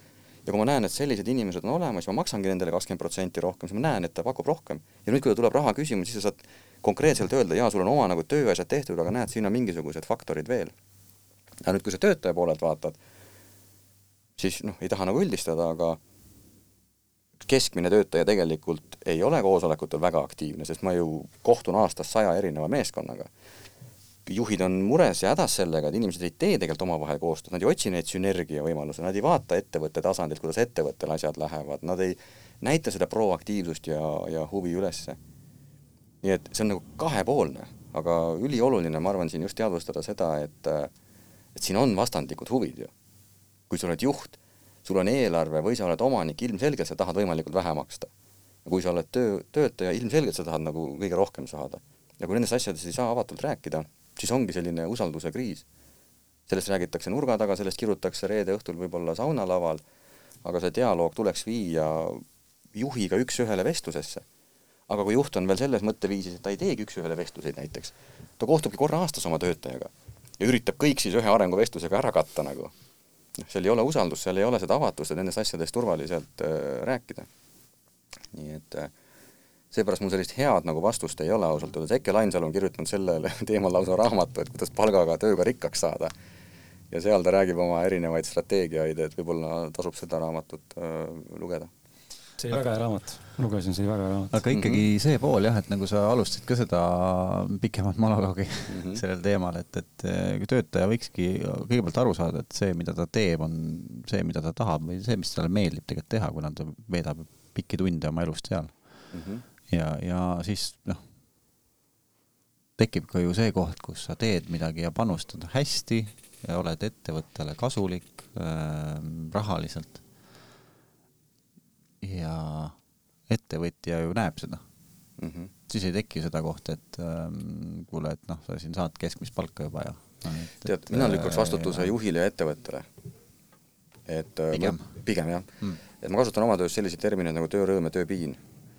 ehk siis, kui inimene teenib ainult palka ja ta ei tunne, et see töö talle emotsionaalselt ja psühholoogiliselt midagi pakub, et seda võib nimetada pigem juba tööpiinaks, sellepärast et see tööl käimise põhjus on raha teenimine nüüd seda, et töötaja hakkaks tundma, et siin on midagi veel, mille nimel pingutada, siis selle peab sisse tooma juht ja juhtimiskultuur ja organisatsiooni kultuur. sest vastasel juhul, kui ma tulen näiteks tööle teie ettevõttesse ja mulle öeldakse, okei okay,, sinu tööülesanded on sellised, me selle eest sulle maksame nii palju, ja nüüd leia üles oma motivatsioon, siis nagu ma ennem just ütlesin, ükskõik kui palju te mulle maksate, ma ikkagi sisimas tunnen, et tegelikult ma võiks rohkem saada. ma võiks tegelikult veitsa rohkem teenida, ma olen veitsa rohkem väärt. ja nüüd, kui ma käin tööl ja minu ainukeseks motivatsiooniallikaks peab olema see palk, mis sai küll kokku lepitud, mis seetõttu, et meil hetkel turul makstakse lihtsalt nii palju, aga mina tunnen, et ma olen ikka veitsa rohkem väärt, siis ilmselgelt mul on raske leida sellele palgale tuginedes seda tohutut motivatsiooni ja pühendumust. ja nüüd, kui organisatsioon tuleb vastu ja hakkab looma sellist keskkonda, kus inimene tunneb, et vau, et konkurent maksab enam-vähem sama palju palka, aga seal ei ole neid asju, seal ei ole sellist kihvtsat me-, kihvti meeskonna vaimu, seal ei ole nii usaldavaid juhte, seal ei ole juhte, kes tõesti kaasavad, tunnustavad, annavad tagasisidet, siis ma hakkan vaatama, okei okay,, võib-olla kõrval pakutakse mulle pluss kümme protsenti, aga kuna seal neid emotsionaalseid asju ei ole, ma jään pigem siia sellega ma olen nagu nõus jaa ja., aga just see pool, et, et kui sa oled äh, läinud, äh, ma ei tea, tead, et pangas saab nagu head raha ja, ja õpid majandust selle pärast ja lähed panka tööle, noh, tegelikult see sulle ei paku, no siis võibki tekkida väga tugevalt ka see inimese, inimese sees, et okei okay,, aga kui ma saaksin, ma ei tea, kakskümmend protsenti rohkem, siis ma oleks nagu ikkagi veel siin, vaata, aga noh, mhm. tegelikkuses on see motivatsioon ka tulnud sellepärast juba, et, et ma tehengi tööd, mis mulle ei meeldi mm. -hmm. ja, aga sealt võib väga lihtsalt tekkida see pool, et uh, noh, ma ei tea, ülemus ei taha mulle juurde maksta, kuigi ma siin olen jube tubli töötaja, aga noh, tegelikult noh, see algpõhjus on juba vale, et, et ülemus ka tunnetab, et noh, sa, sa oled nõus siin veel olema, kui ma tõstan sul palka, ostan sulle kallima auto mm, -hmm. aga see mhm. kaob poole aasta pärast, see nagu motivatsioon läheb ka nagu üldjuhul kahe kuuga tegelikult no, kaob juba kiiremini, eks ju, et, et sellisel juhul on tõenäoliselt äh, midagi läinud veitsa nihu, äh, mitte väga tugevalt nihu, sest seda juhtub kogu aeg äh, värbamisel et on jõudnud organisatsiooni inimene, kellel tegelikult ei ole seda cultural fit'i, ehk siis tegelikult ta ongi tulnud ainult palga pärast ja mm. see ei ole värbamisel välja tulnud. ja nüüd, kui see värbamisel välja ei tule, siis ilmselgelt seda inimest ongi võimatu mm. motiveerida, sest tema tuligi ainult siia raha pärast. noh, Sappos näiteks on hea näide, kellel on niimoodi, et äh, on sisseelamisprogramm ja see kestab mitu nädalat ja seal hakatakse seda pakkumist neile suurendama. esimese nädala lõpus öeldakse, et maksame sulle selle nädala eest tuhat dollarit, kui sa ära lähed teise nädala lõpus a la maksame kaks tuhat dollarit ja minu arust tänaseks on see tõusnud umbes viie tuhandeni. Ehk siis me maksame selle aja sulle kinni, kui sulle tundub, et tegelikult see ei ole päris see ettevõte ja sulle ei meeldi see viis, kuidas me siin asju teeme ja mida me siin väärtustame. ja kui sa lõpuks ei võta seda viite tuhandet vastu, siis me eeldame tegelikult, et sa sobid ja nüüd on meil sinult õigus, õigus ka nõuda. et kui sa hakkad pärast nagu tegelikult rääkima seda juttu, et siin ikka nagu ei maksta piisavalt ja see mulle ei meeldi, et siis on nagu lihtsam öelda ka, kuule, et siin oli viis nädalat nagu, et, et sellest nagu aru saada, kuidas me siin asju teeme. Aga samal ajal nendel on ka väga-väga tugev selline personaliprogramm, et kui lõpuks sinna inimesed tulevad mm., siis näiteks nende palgatase ei ole üldsegi mitte valdkonna keskmine, vaid on allpool valdkonna keskmist, nad maksavad vähem, aga kogu see emotsionaalne ja psühholoogiline pool on nii väärtuslik töötajatele, et nad ikkagi tahavad järjekorras sinna mm -hmm. tööle tulla mm. -hmm et siin on absoluutselt, ma arvan, juhil õigus päris avatult seda öelda, aga jama on selles, et kuna juhid sageli ei rakenda neid vestluseid, individuaalseid vestluseid, siis nad üritavad kas läbi vihjete seda edasi anda, kuidagi läbi mingite nagu tagatubade vestluste või et siis ei ole ka seda autentsust ja avatust, kuule istume maha, et räägime sellest asjast mm. -hmm. et kuule, et mulle tundub, et see on niimoodi, et räägi, kuidas sulle nagu tundub et mis, mis su tegelik nagu probleem on, et kas on see asi tõesti selles, et sa tunned, et see on nagu rahaliselt nagu vähe väärtustatud, on äkki asi minus üldsegi ja oodata, et ta ausalt sulle ütleb, seda võib-olla on ka palju, võib-olla peaks siis juht ikkagi süsteemselt tegema mingisuguseid tagasiside süst-, nagu küsitlusi, ehk siis ta peab jõudma selle päris tõeni ja kui see päris tõde ongi see, et seda inimest ei huvitagi ei see valdkond, ei see areng siin, vaid huvitabki ainult palk, noh, siis ütledki, siin on väärtuskonflikt tegelikult, et mm. me ei otsi siia selliseid äh, inimesi aga seda saad sa öelda ainult siis, kui sa maksad nii-öelda turu mõttes õiglast palka ja see mm palk võib olla ka, palgaosa võib olla ka mittemateriaalne mm komponent mm. -hmm. Räägi sina oma kogemusest tegevjuhina, et siin kaua sa oled aasta aega varsti olnud või? aasta on täis. aasta on täis, jah. aasta pluss on täis tiksunud ja see oli uus kogemus teatud mõttes sulle? väga uus kogemus, poleks osanud ealeski unistada sellest, et võin sobida sellisesse juhi nii-öelda rolli mm olen varasemalt juhtinud äh, kahekümne viie liikmelist tiimi, aga osakonna juhatajana, see on natuke nagu teine, sest sul on veel seal poejuhataja, siis teiste osakonna juhatajad ja kõik te tegelikult haldate neid inimesi erinevatel päevadel. Aga mm, sellist äh, kogemust ei olnud varasemalt olnud mm,. mulle meeldis äh, meeldis jälle see, ma just eile, meil jälle just oli eile oli mul, mul praegu osalen kaheksanädalasel Mina ja raha uskumuste ja, ja mustrite muutmise kursusel ja eile oli kolmas kohtumine, siis seal keegi kirjutas ka oma uskumuse, et noh, et kui haridust ei ole, pabereid pole, siis ei saa ideid ellu viia. Siis ma kirjutasin sinna julgelt chati, et mul on üheksa klassi haridus ja midagi palju tegemata jäänud ja see ei ole nagu upsakalt öeldud, vaid ma näen, et see ei ole takistus, see võib olla takistus, kui sellesse usud ja sellesse kinni jääd ja teinekord mingites valdkondades loomulikult seda ongi vaja, näiteks paberit on ju, ma ei saa minna kuskile ülikooli täna, sest mul on üheksa klassi ainult, ma tegelikult peaks ikkagi ära lõpetama ja siis alles sisse astuma. et loomulikult, aga see ei ole minu teekond. et ma arvan, kui inimene päriselt tahab, siis ta saab, ta leiab endale väljundid ja see võimalused tulevad. Mm -hmm. aga ma arvan, kõige raskem, kõige, kõige, kõige väljakutsuvam koht võib-olla on olnud äh,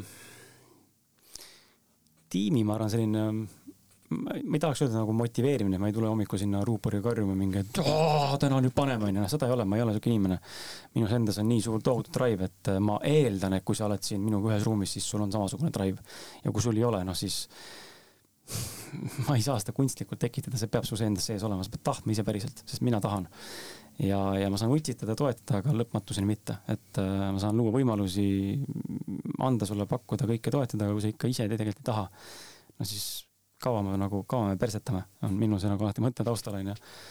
et aga, aga kõige raskem koht on olnud jah, just nagu tiimiga, meil on kaks tütarlast onju, meie tiimis et äh, olla nagu olemas niimoodi, et äh, sa kuulad neid päriselt äh,, sa suhtled nendega, sest et noh, nad on ka naisterahvad, üldse mitte alustavalt ega kuidagi nagu mingi hinnanguliselt, aga pläkutamist ja sellist nagu sotsiaalsust on nagu palju rohkem, soovivad sellist affection'it rohkem saada ja tähelepanu mingil määral ja tunnustust loomulikult ja ja mul on seda kõike mitte raske anda, aga see, ma tahan, noh, Maarja, üks, üks, üks ütles hästi meil seal kontoris ka, et omavahel rääkisime sellest, et kuidas tunnustada töötajaid või üldse inimesi, et ma olen ka väga seda meelt, et tunnustan siis, kui ma päriselt tunnen, ma tahan sulle midagi öelda see ei tähenda, kui ma ei ütle, ei tähenda, et ma ei hinda seda.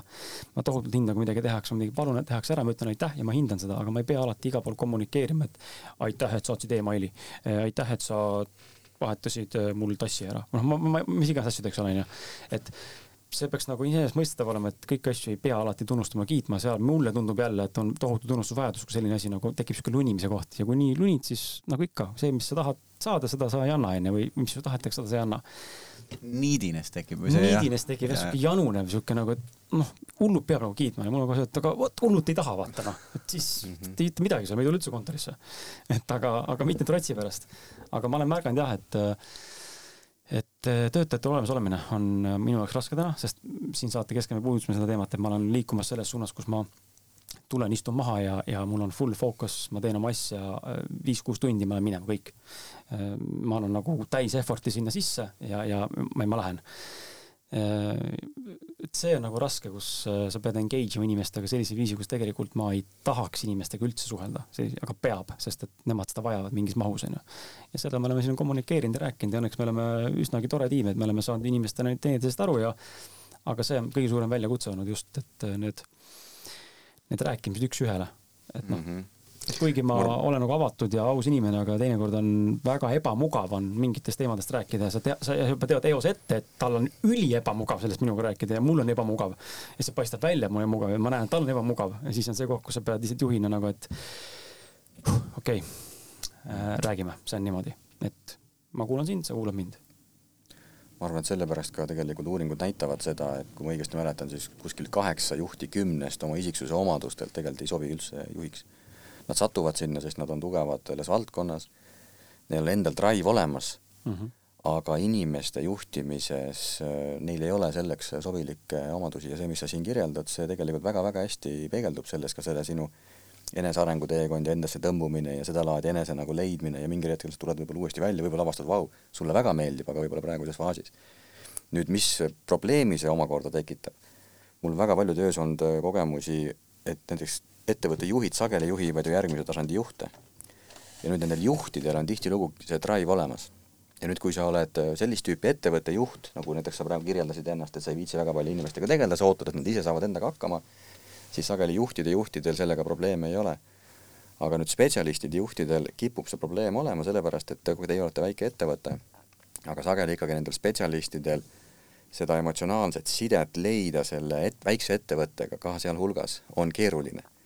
Sest et mis on nagu nende auhind, et kui sa oled näiteks a la lähed äh, Pipedrive'i tööle, siis kõige muu kõrval sinu auhind on see, et ma töötan Pipedrive'is, ma töötan nagu ikkagi ükssarvikus, see ongi minu auhind ja okei okay,, olgu see palk, kuidas on, olgu see minu otsene juht, kuidas on, et see on äge kogukond. aga kui ma lähen näiteks teie ettevõttesse tööle, mis mu auhind on? ma näen, et Kris siin protsessib oma asju, teeb vaikselt oma asju, vahepeal ütleb ka, et noh, ma olen autentne, ma ei viitsigi sinuga suhelda väga, Maarjus on ka seal, teeb mingeid oma asju, mul on siin oma töö, palka makstakse niikuinii vähem, kui ma tunnen, et õiglane oleks et mis mu auhind nagu on? ja vot seetõttu nüüd see kaasaegne juhtimisteooria ütlebki, et et selline coach iv juhtimisstiil eelkõige tähendabki nagu sellist oma töötajatele emotsionaalses mõttes lähedale jõudmist, et tekiks see sisuline dialoog, et nad hakkaksid tundma seda emotsionaalset sidet nii selle juhiga, nii selle ettevõttega seeläbi, aga paljudele juhtidele see ei pruugi üldsegi äh, sobida mm. -hmm. ja nüüd tuleb see tunnustamise teema siin sisse. et sina juhina vaatad, et äh, normaalne töö on palga sees. aga tema igapäevaselt inimesena, ega ta loll ei ole, ta saab aru, et see on niimoodi, aga inimesena ta tunneb, et okei okay,, palka ma saan üks kord kuus, aga kohale peab minema kakskümmend kaks korda ja ma ei viitsi iga kord, kui ma midagi tublit teen, ma ei viitsi nagu mõelda, aa, aa, see on see, mille eest eh, Kris mulle maksab ju. Vaid teda drive'iks palju rohkem see, kui sa lihtsalt mainiksid seda, aga mitte selliseid triviaalseid ja lolle komplimente tehes, aga lihtsalt seda ära mainides ja siit tulebki see coach'i juhtimine sisse, coach'i juhtimine ütleb seda, et püsi olla, proovi olla oma töötajaga dialoogis, et anna talle teada nendest asjadest, mis tal hästi välja kukub aga anna talle teada ka nendest asjadest, kus tal on näiteks arenguruumi, aga siin peab tasakaal olema, sest tavaliselt tasakaal on paigast ära. kui mingi jama on, siis ta kuuleb sellest väga kiiresti. kui midagi hästi saab hakkama näiteks, siis selle eest sa maksad talle palka. Ja vaata, siit tulebki see mm -hmm. disbalanss tekib. ja nüüd lihtsalt käia mööda kontorit ja mõelda välja, okei okay,, mida ma täna ütlen, et oh, sul on kihvtid saapad, ei, seda ma ütlesin juba, et mida, mida, mida talle täna öelda. aga kui sa lood selleks nagu süsteemi, sa tead, et sa kohtud näiteks iga kuu nendega, teadlikult selliseks nagu tagasisidevestluseks kus ta siis näiteks ütletegi kolm asja, ütled näiteks ühe asja, mis sulle on selle viimase kuu jooksul silma jäänud, mis tõesti sinu arvates väga hästi nagu välja kukkunud, ja paar asja siis, millele ta võiks võib-olla rohkem tähelepanu pöörata ja küsid seda endale ka ja tagad selle, et ta oleks nagu aus, et ta ei ütleks ka sulle selliseid mugavaid asju, vaid ütleb sulle ka ikkagi päris asju. ja sealt hakkab see usaldus tekkima ja algul ta võib-olla ei julge öelda, aga läbi kuude tegelikult ühel hetkel teil tekib see side ja siis ta hakkab tundma, vau, ma olen päriselt osa millestki, et mul on juhiga see side ja see ei ole käe hoidmine vaid ma tunnen, et keegi märkab mu panust, keegi annab mulle siin arenguvõimalusi, ta annab selle eest ka mulle tunnustust, kuna sul tekib igaühega individuaalselt tugevam side, siis see kandub üle ka meeskonda, teil tekib ka tugevam meeskondlik side, see hakkab seda kuuluvustunnet tegelikult drive ima rohkem, kui see võib-olla muidu on, kui me lihtsalt käime koos, ja sealt tekivad need hüved ja ühel hetkel sa võidki küsida nendelt, et kuidas on siin töötada, ütleb, et väga kihvt sellepärast, et ja siis ta toob sulle, et sa oled normaalne inimene, sa tunned huvi, sa märkad ja see on see, mida nad palga kõrval hakkavad tundma. see oli seal eelmises äh, kohas, kus oli suurem tiim, seal ma niimoodi tegin ja sealt need, noh, sealt see käis läbi niimoodi okay.. Ehm, lihtsalt mõte, et võib-olla tänu sellele, et täna väiksem tiim, vaata, siis mul tekib automaatselt enda sisse tekib see ähm, usk või, või nagu usaldus või soov, et inimesed oleks noh, päriselt ka tahavad mm, -hmm. et, et ei, ei pea nagu oraga tagumikus ühte inimest taga ajama, eks ole, piltlikult öeldes. loomulikult ma kiidan, aga just see pool, et ma olen usaldanud sind et sa päriselt ise tahaks võtta vastutust, areneda, koos toimetada, sul on vabadus, on ju, sul on tegelikult vägagi normaalne palk või tasu, on ju, kokkulepe, mis iganes veel. et ei ole mingit piirangut kuskil, et äh, hästi avatud suhtumine, kommunikatsioon, on ju, et mingid tiimilõunad, tiimiüritused, on ju, et noh, nii nagu Maarjus teeb mulle, on ju, väga mõnus omavaheline suhe meil selle koha pealt mm. -hmm. et vaata on usaldus lihtsalt toimeta, vaata. ma tulin ja teen seda, mida ma oskan teha, noh, oskan organiseerida asju nagu toimetada ja panna palli veerema. ja, ja minus on see drive olemas, onju, ja ma automaatselt eeldan ja soovin, et noh mm -hmm., inimene, kes tuleb, onju, et tal võiks ka olla see tuhin endal sees olemas, see vastutuse võtmise soov, see ambitsioonikus ja, ja ma olen sellega nagu täitsa nagu nõus, aga, aga hästi hea point, mis sina välja tõid, on, mis, mis see auhind on eks mm, -hmm. et, et see on nagu inimestel hästi erinev, mida nad auhinnaks tahavad mm. -hmm. ühel on äh, motivatsioon nii-öelda teenida palju pappi, teine on, teisel on motivatsioon töötada kuulsas firmas, kolmandal on see, et sa saad Tasuta läbi lõunad. oma töö äh, inimesi aidata, kui reaalselt mingit tervist parandada, neljas, äh, ma ei tea, olla lõunad. riigile kasulik, eks ju, tsiteerides klassikuid, riigile kasulik olla, tasuta lõunad treenimis, mida, mida iganes, just see hea suhe tegevjuhiga, niisugune isiklikum suhe võib-olla onju mm. -hmm. et aga see on võib-olla jah, see koht, et nagu üles leida inimeses, et mis see auhind on peale palga, mida ta siis tahab. sellepärast nagu, mulle hästi meeldib mõelda nii, et väga palju tuuakse ärimaailmas ka spordimaailma analoogia, et, et noh, meeskond on ikka see, mis me näeme seal spordiväljakul.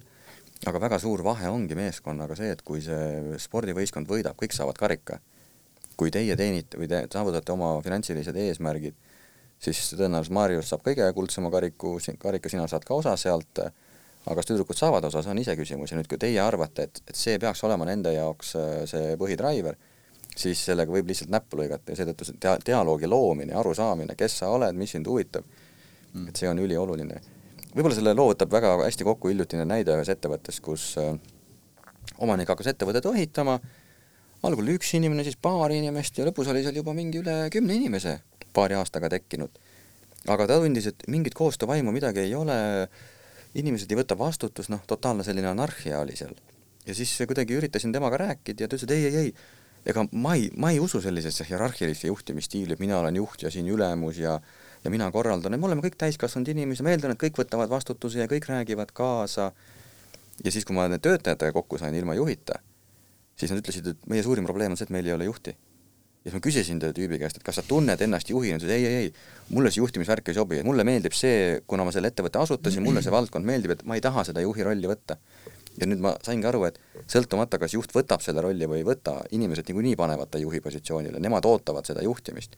ja kui juht mis iganes põhjusel, võib-olla ka õigustades lihtsalt seda, et ei, ma ei taha ülemust mängida ja ma usun sellisesse kaasaegsemasse juhtimisstiili, siis teatavat koordineerimist ja eestvedamist ikkagi see meeskond äh, vajab ja kui juht seda ei paku, öeldes, et ei, me lihtsalt teenime siin palka, et siis see võib äh, motivatsioonile väga rängalt hakata ajas äh, mõjuma aga ma ei arva, et see või noh, ma absoluutselt ei usu, et see nagu teie case on, ma ei räägi ja, seda sellepärast, et, et seda hinnata kuidagi. ei, see on erinevad dünaamikad on igas ettevõttes, vot see noh, see nii ongi, et äh, tuleb üles leida see koht, mis, mis siis takistab näiteks ettevõtte edu või, või, või kasvu või, või noh, mida iganes, et inimeste kasvu.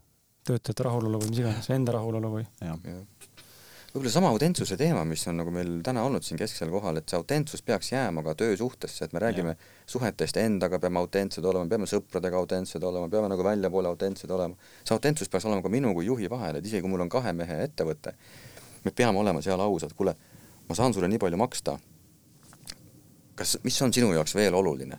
ma rohkem maksta nagu ei saa, mis on sinu jaoks oluline, me oleme kahekesi meil ei ole mõtet teha tsirkust, et noh, meil on tohutud nagu suvepäevad, et selles ei ole nagu, et et mis on sinu jaoks oluline, okei okay,, sul on vabadus oluline, okei okay,, aga paneme siis mingid reeglid nagu paika, kuidas me seda kommunikeerime.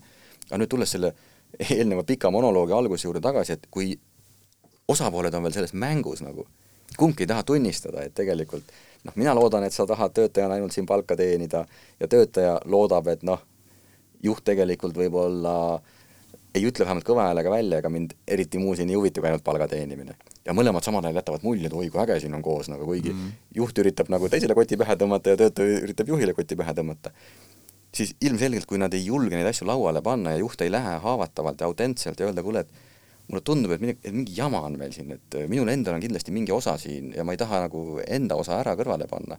et räägime sellest asjast nagu, et millega sa oled rahul, millega sa ei ole rahul, mida mina saaksin rohkem teha ja kui ta ei taha seda dialoogi sisse tuua, et siis on see jama aga väga paljud ettevõtted täna veel opereerivad sellel tasandil mm., et et kogu mu tunnustava juhtimise programm tegelikult ei ole pra-, praktiliselt paljuski midagi muud, kui aidata juhtidel jõuda oma inimestele nendest barjääridest läbi, et tekiks see dialoog läbi erinevate tehnikatega.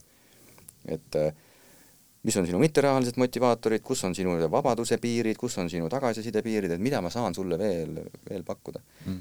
aga sellised ülemuse tüüpi juhid keeravad seal selja, ütlevad ei, et noh, pole minu asi nagu selliste küsimustega tegeleda, ma maksan, et see on ikkagi tööalane suhe, et äh, ma maksan ja sa pead olema motiveeritud ja samal ajal näevad, et inimesed ei ole pühendunud. aga nad ei taha tunnistada, et endas on ka mingi osa võib-olla. ja siin on ka kindlasti algusest peale ka see, eriti kui ongi väike ja kasvav ettevõte, et siin tuleb kohe nagu need kaardid laua, lauda panna, et, et äh, ma ootangi sinult nagu aktiivsust, ma, ma, ma, ma ei ole see, kes sind iga päev hakkab nii-öelda motiveerima siin, ma tahan, et sul oleks see motivatsioon ja, ja mis iganes sul siis vaja on, ütle mulle kohe asjad siis me vaatame, kas me sobime. ja, ja, ja, ja lähme siit nagu min-, minema, vaata. probleem tekib siis, kui ol, ei oldagi, mängitakse alguses kohe mängu mm. -hmm. oi, ei noh, mulle meeldib pa-pa-pa onju ja siukene asi ja siis pärast selgub, et ja üldse välditakse, üldse välditakse mingeid teemasid. hakkad neid puid laduma onju juurde kogu aeg. Mhm, mhm. okei. ma pean tunnistama, et äh, ma hakkan ära väsima. on jah, kaks tundi jah kuidas teile tundub, tõmbame praegu punkti ja, ja kui... jätkame viieteist minuti pärast jah, järgmise kaks tundi.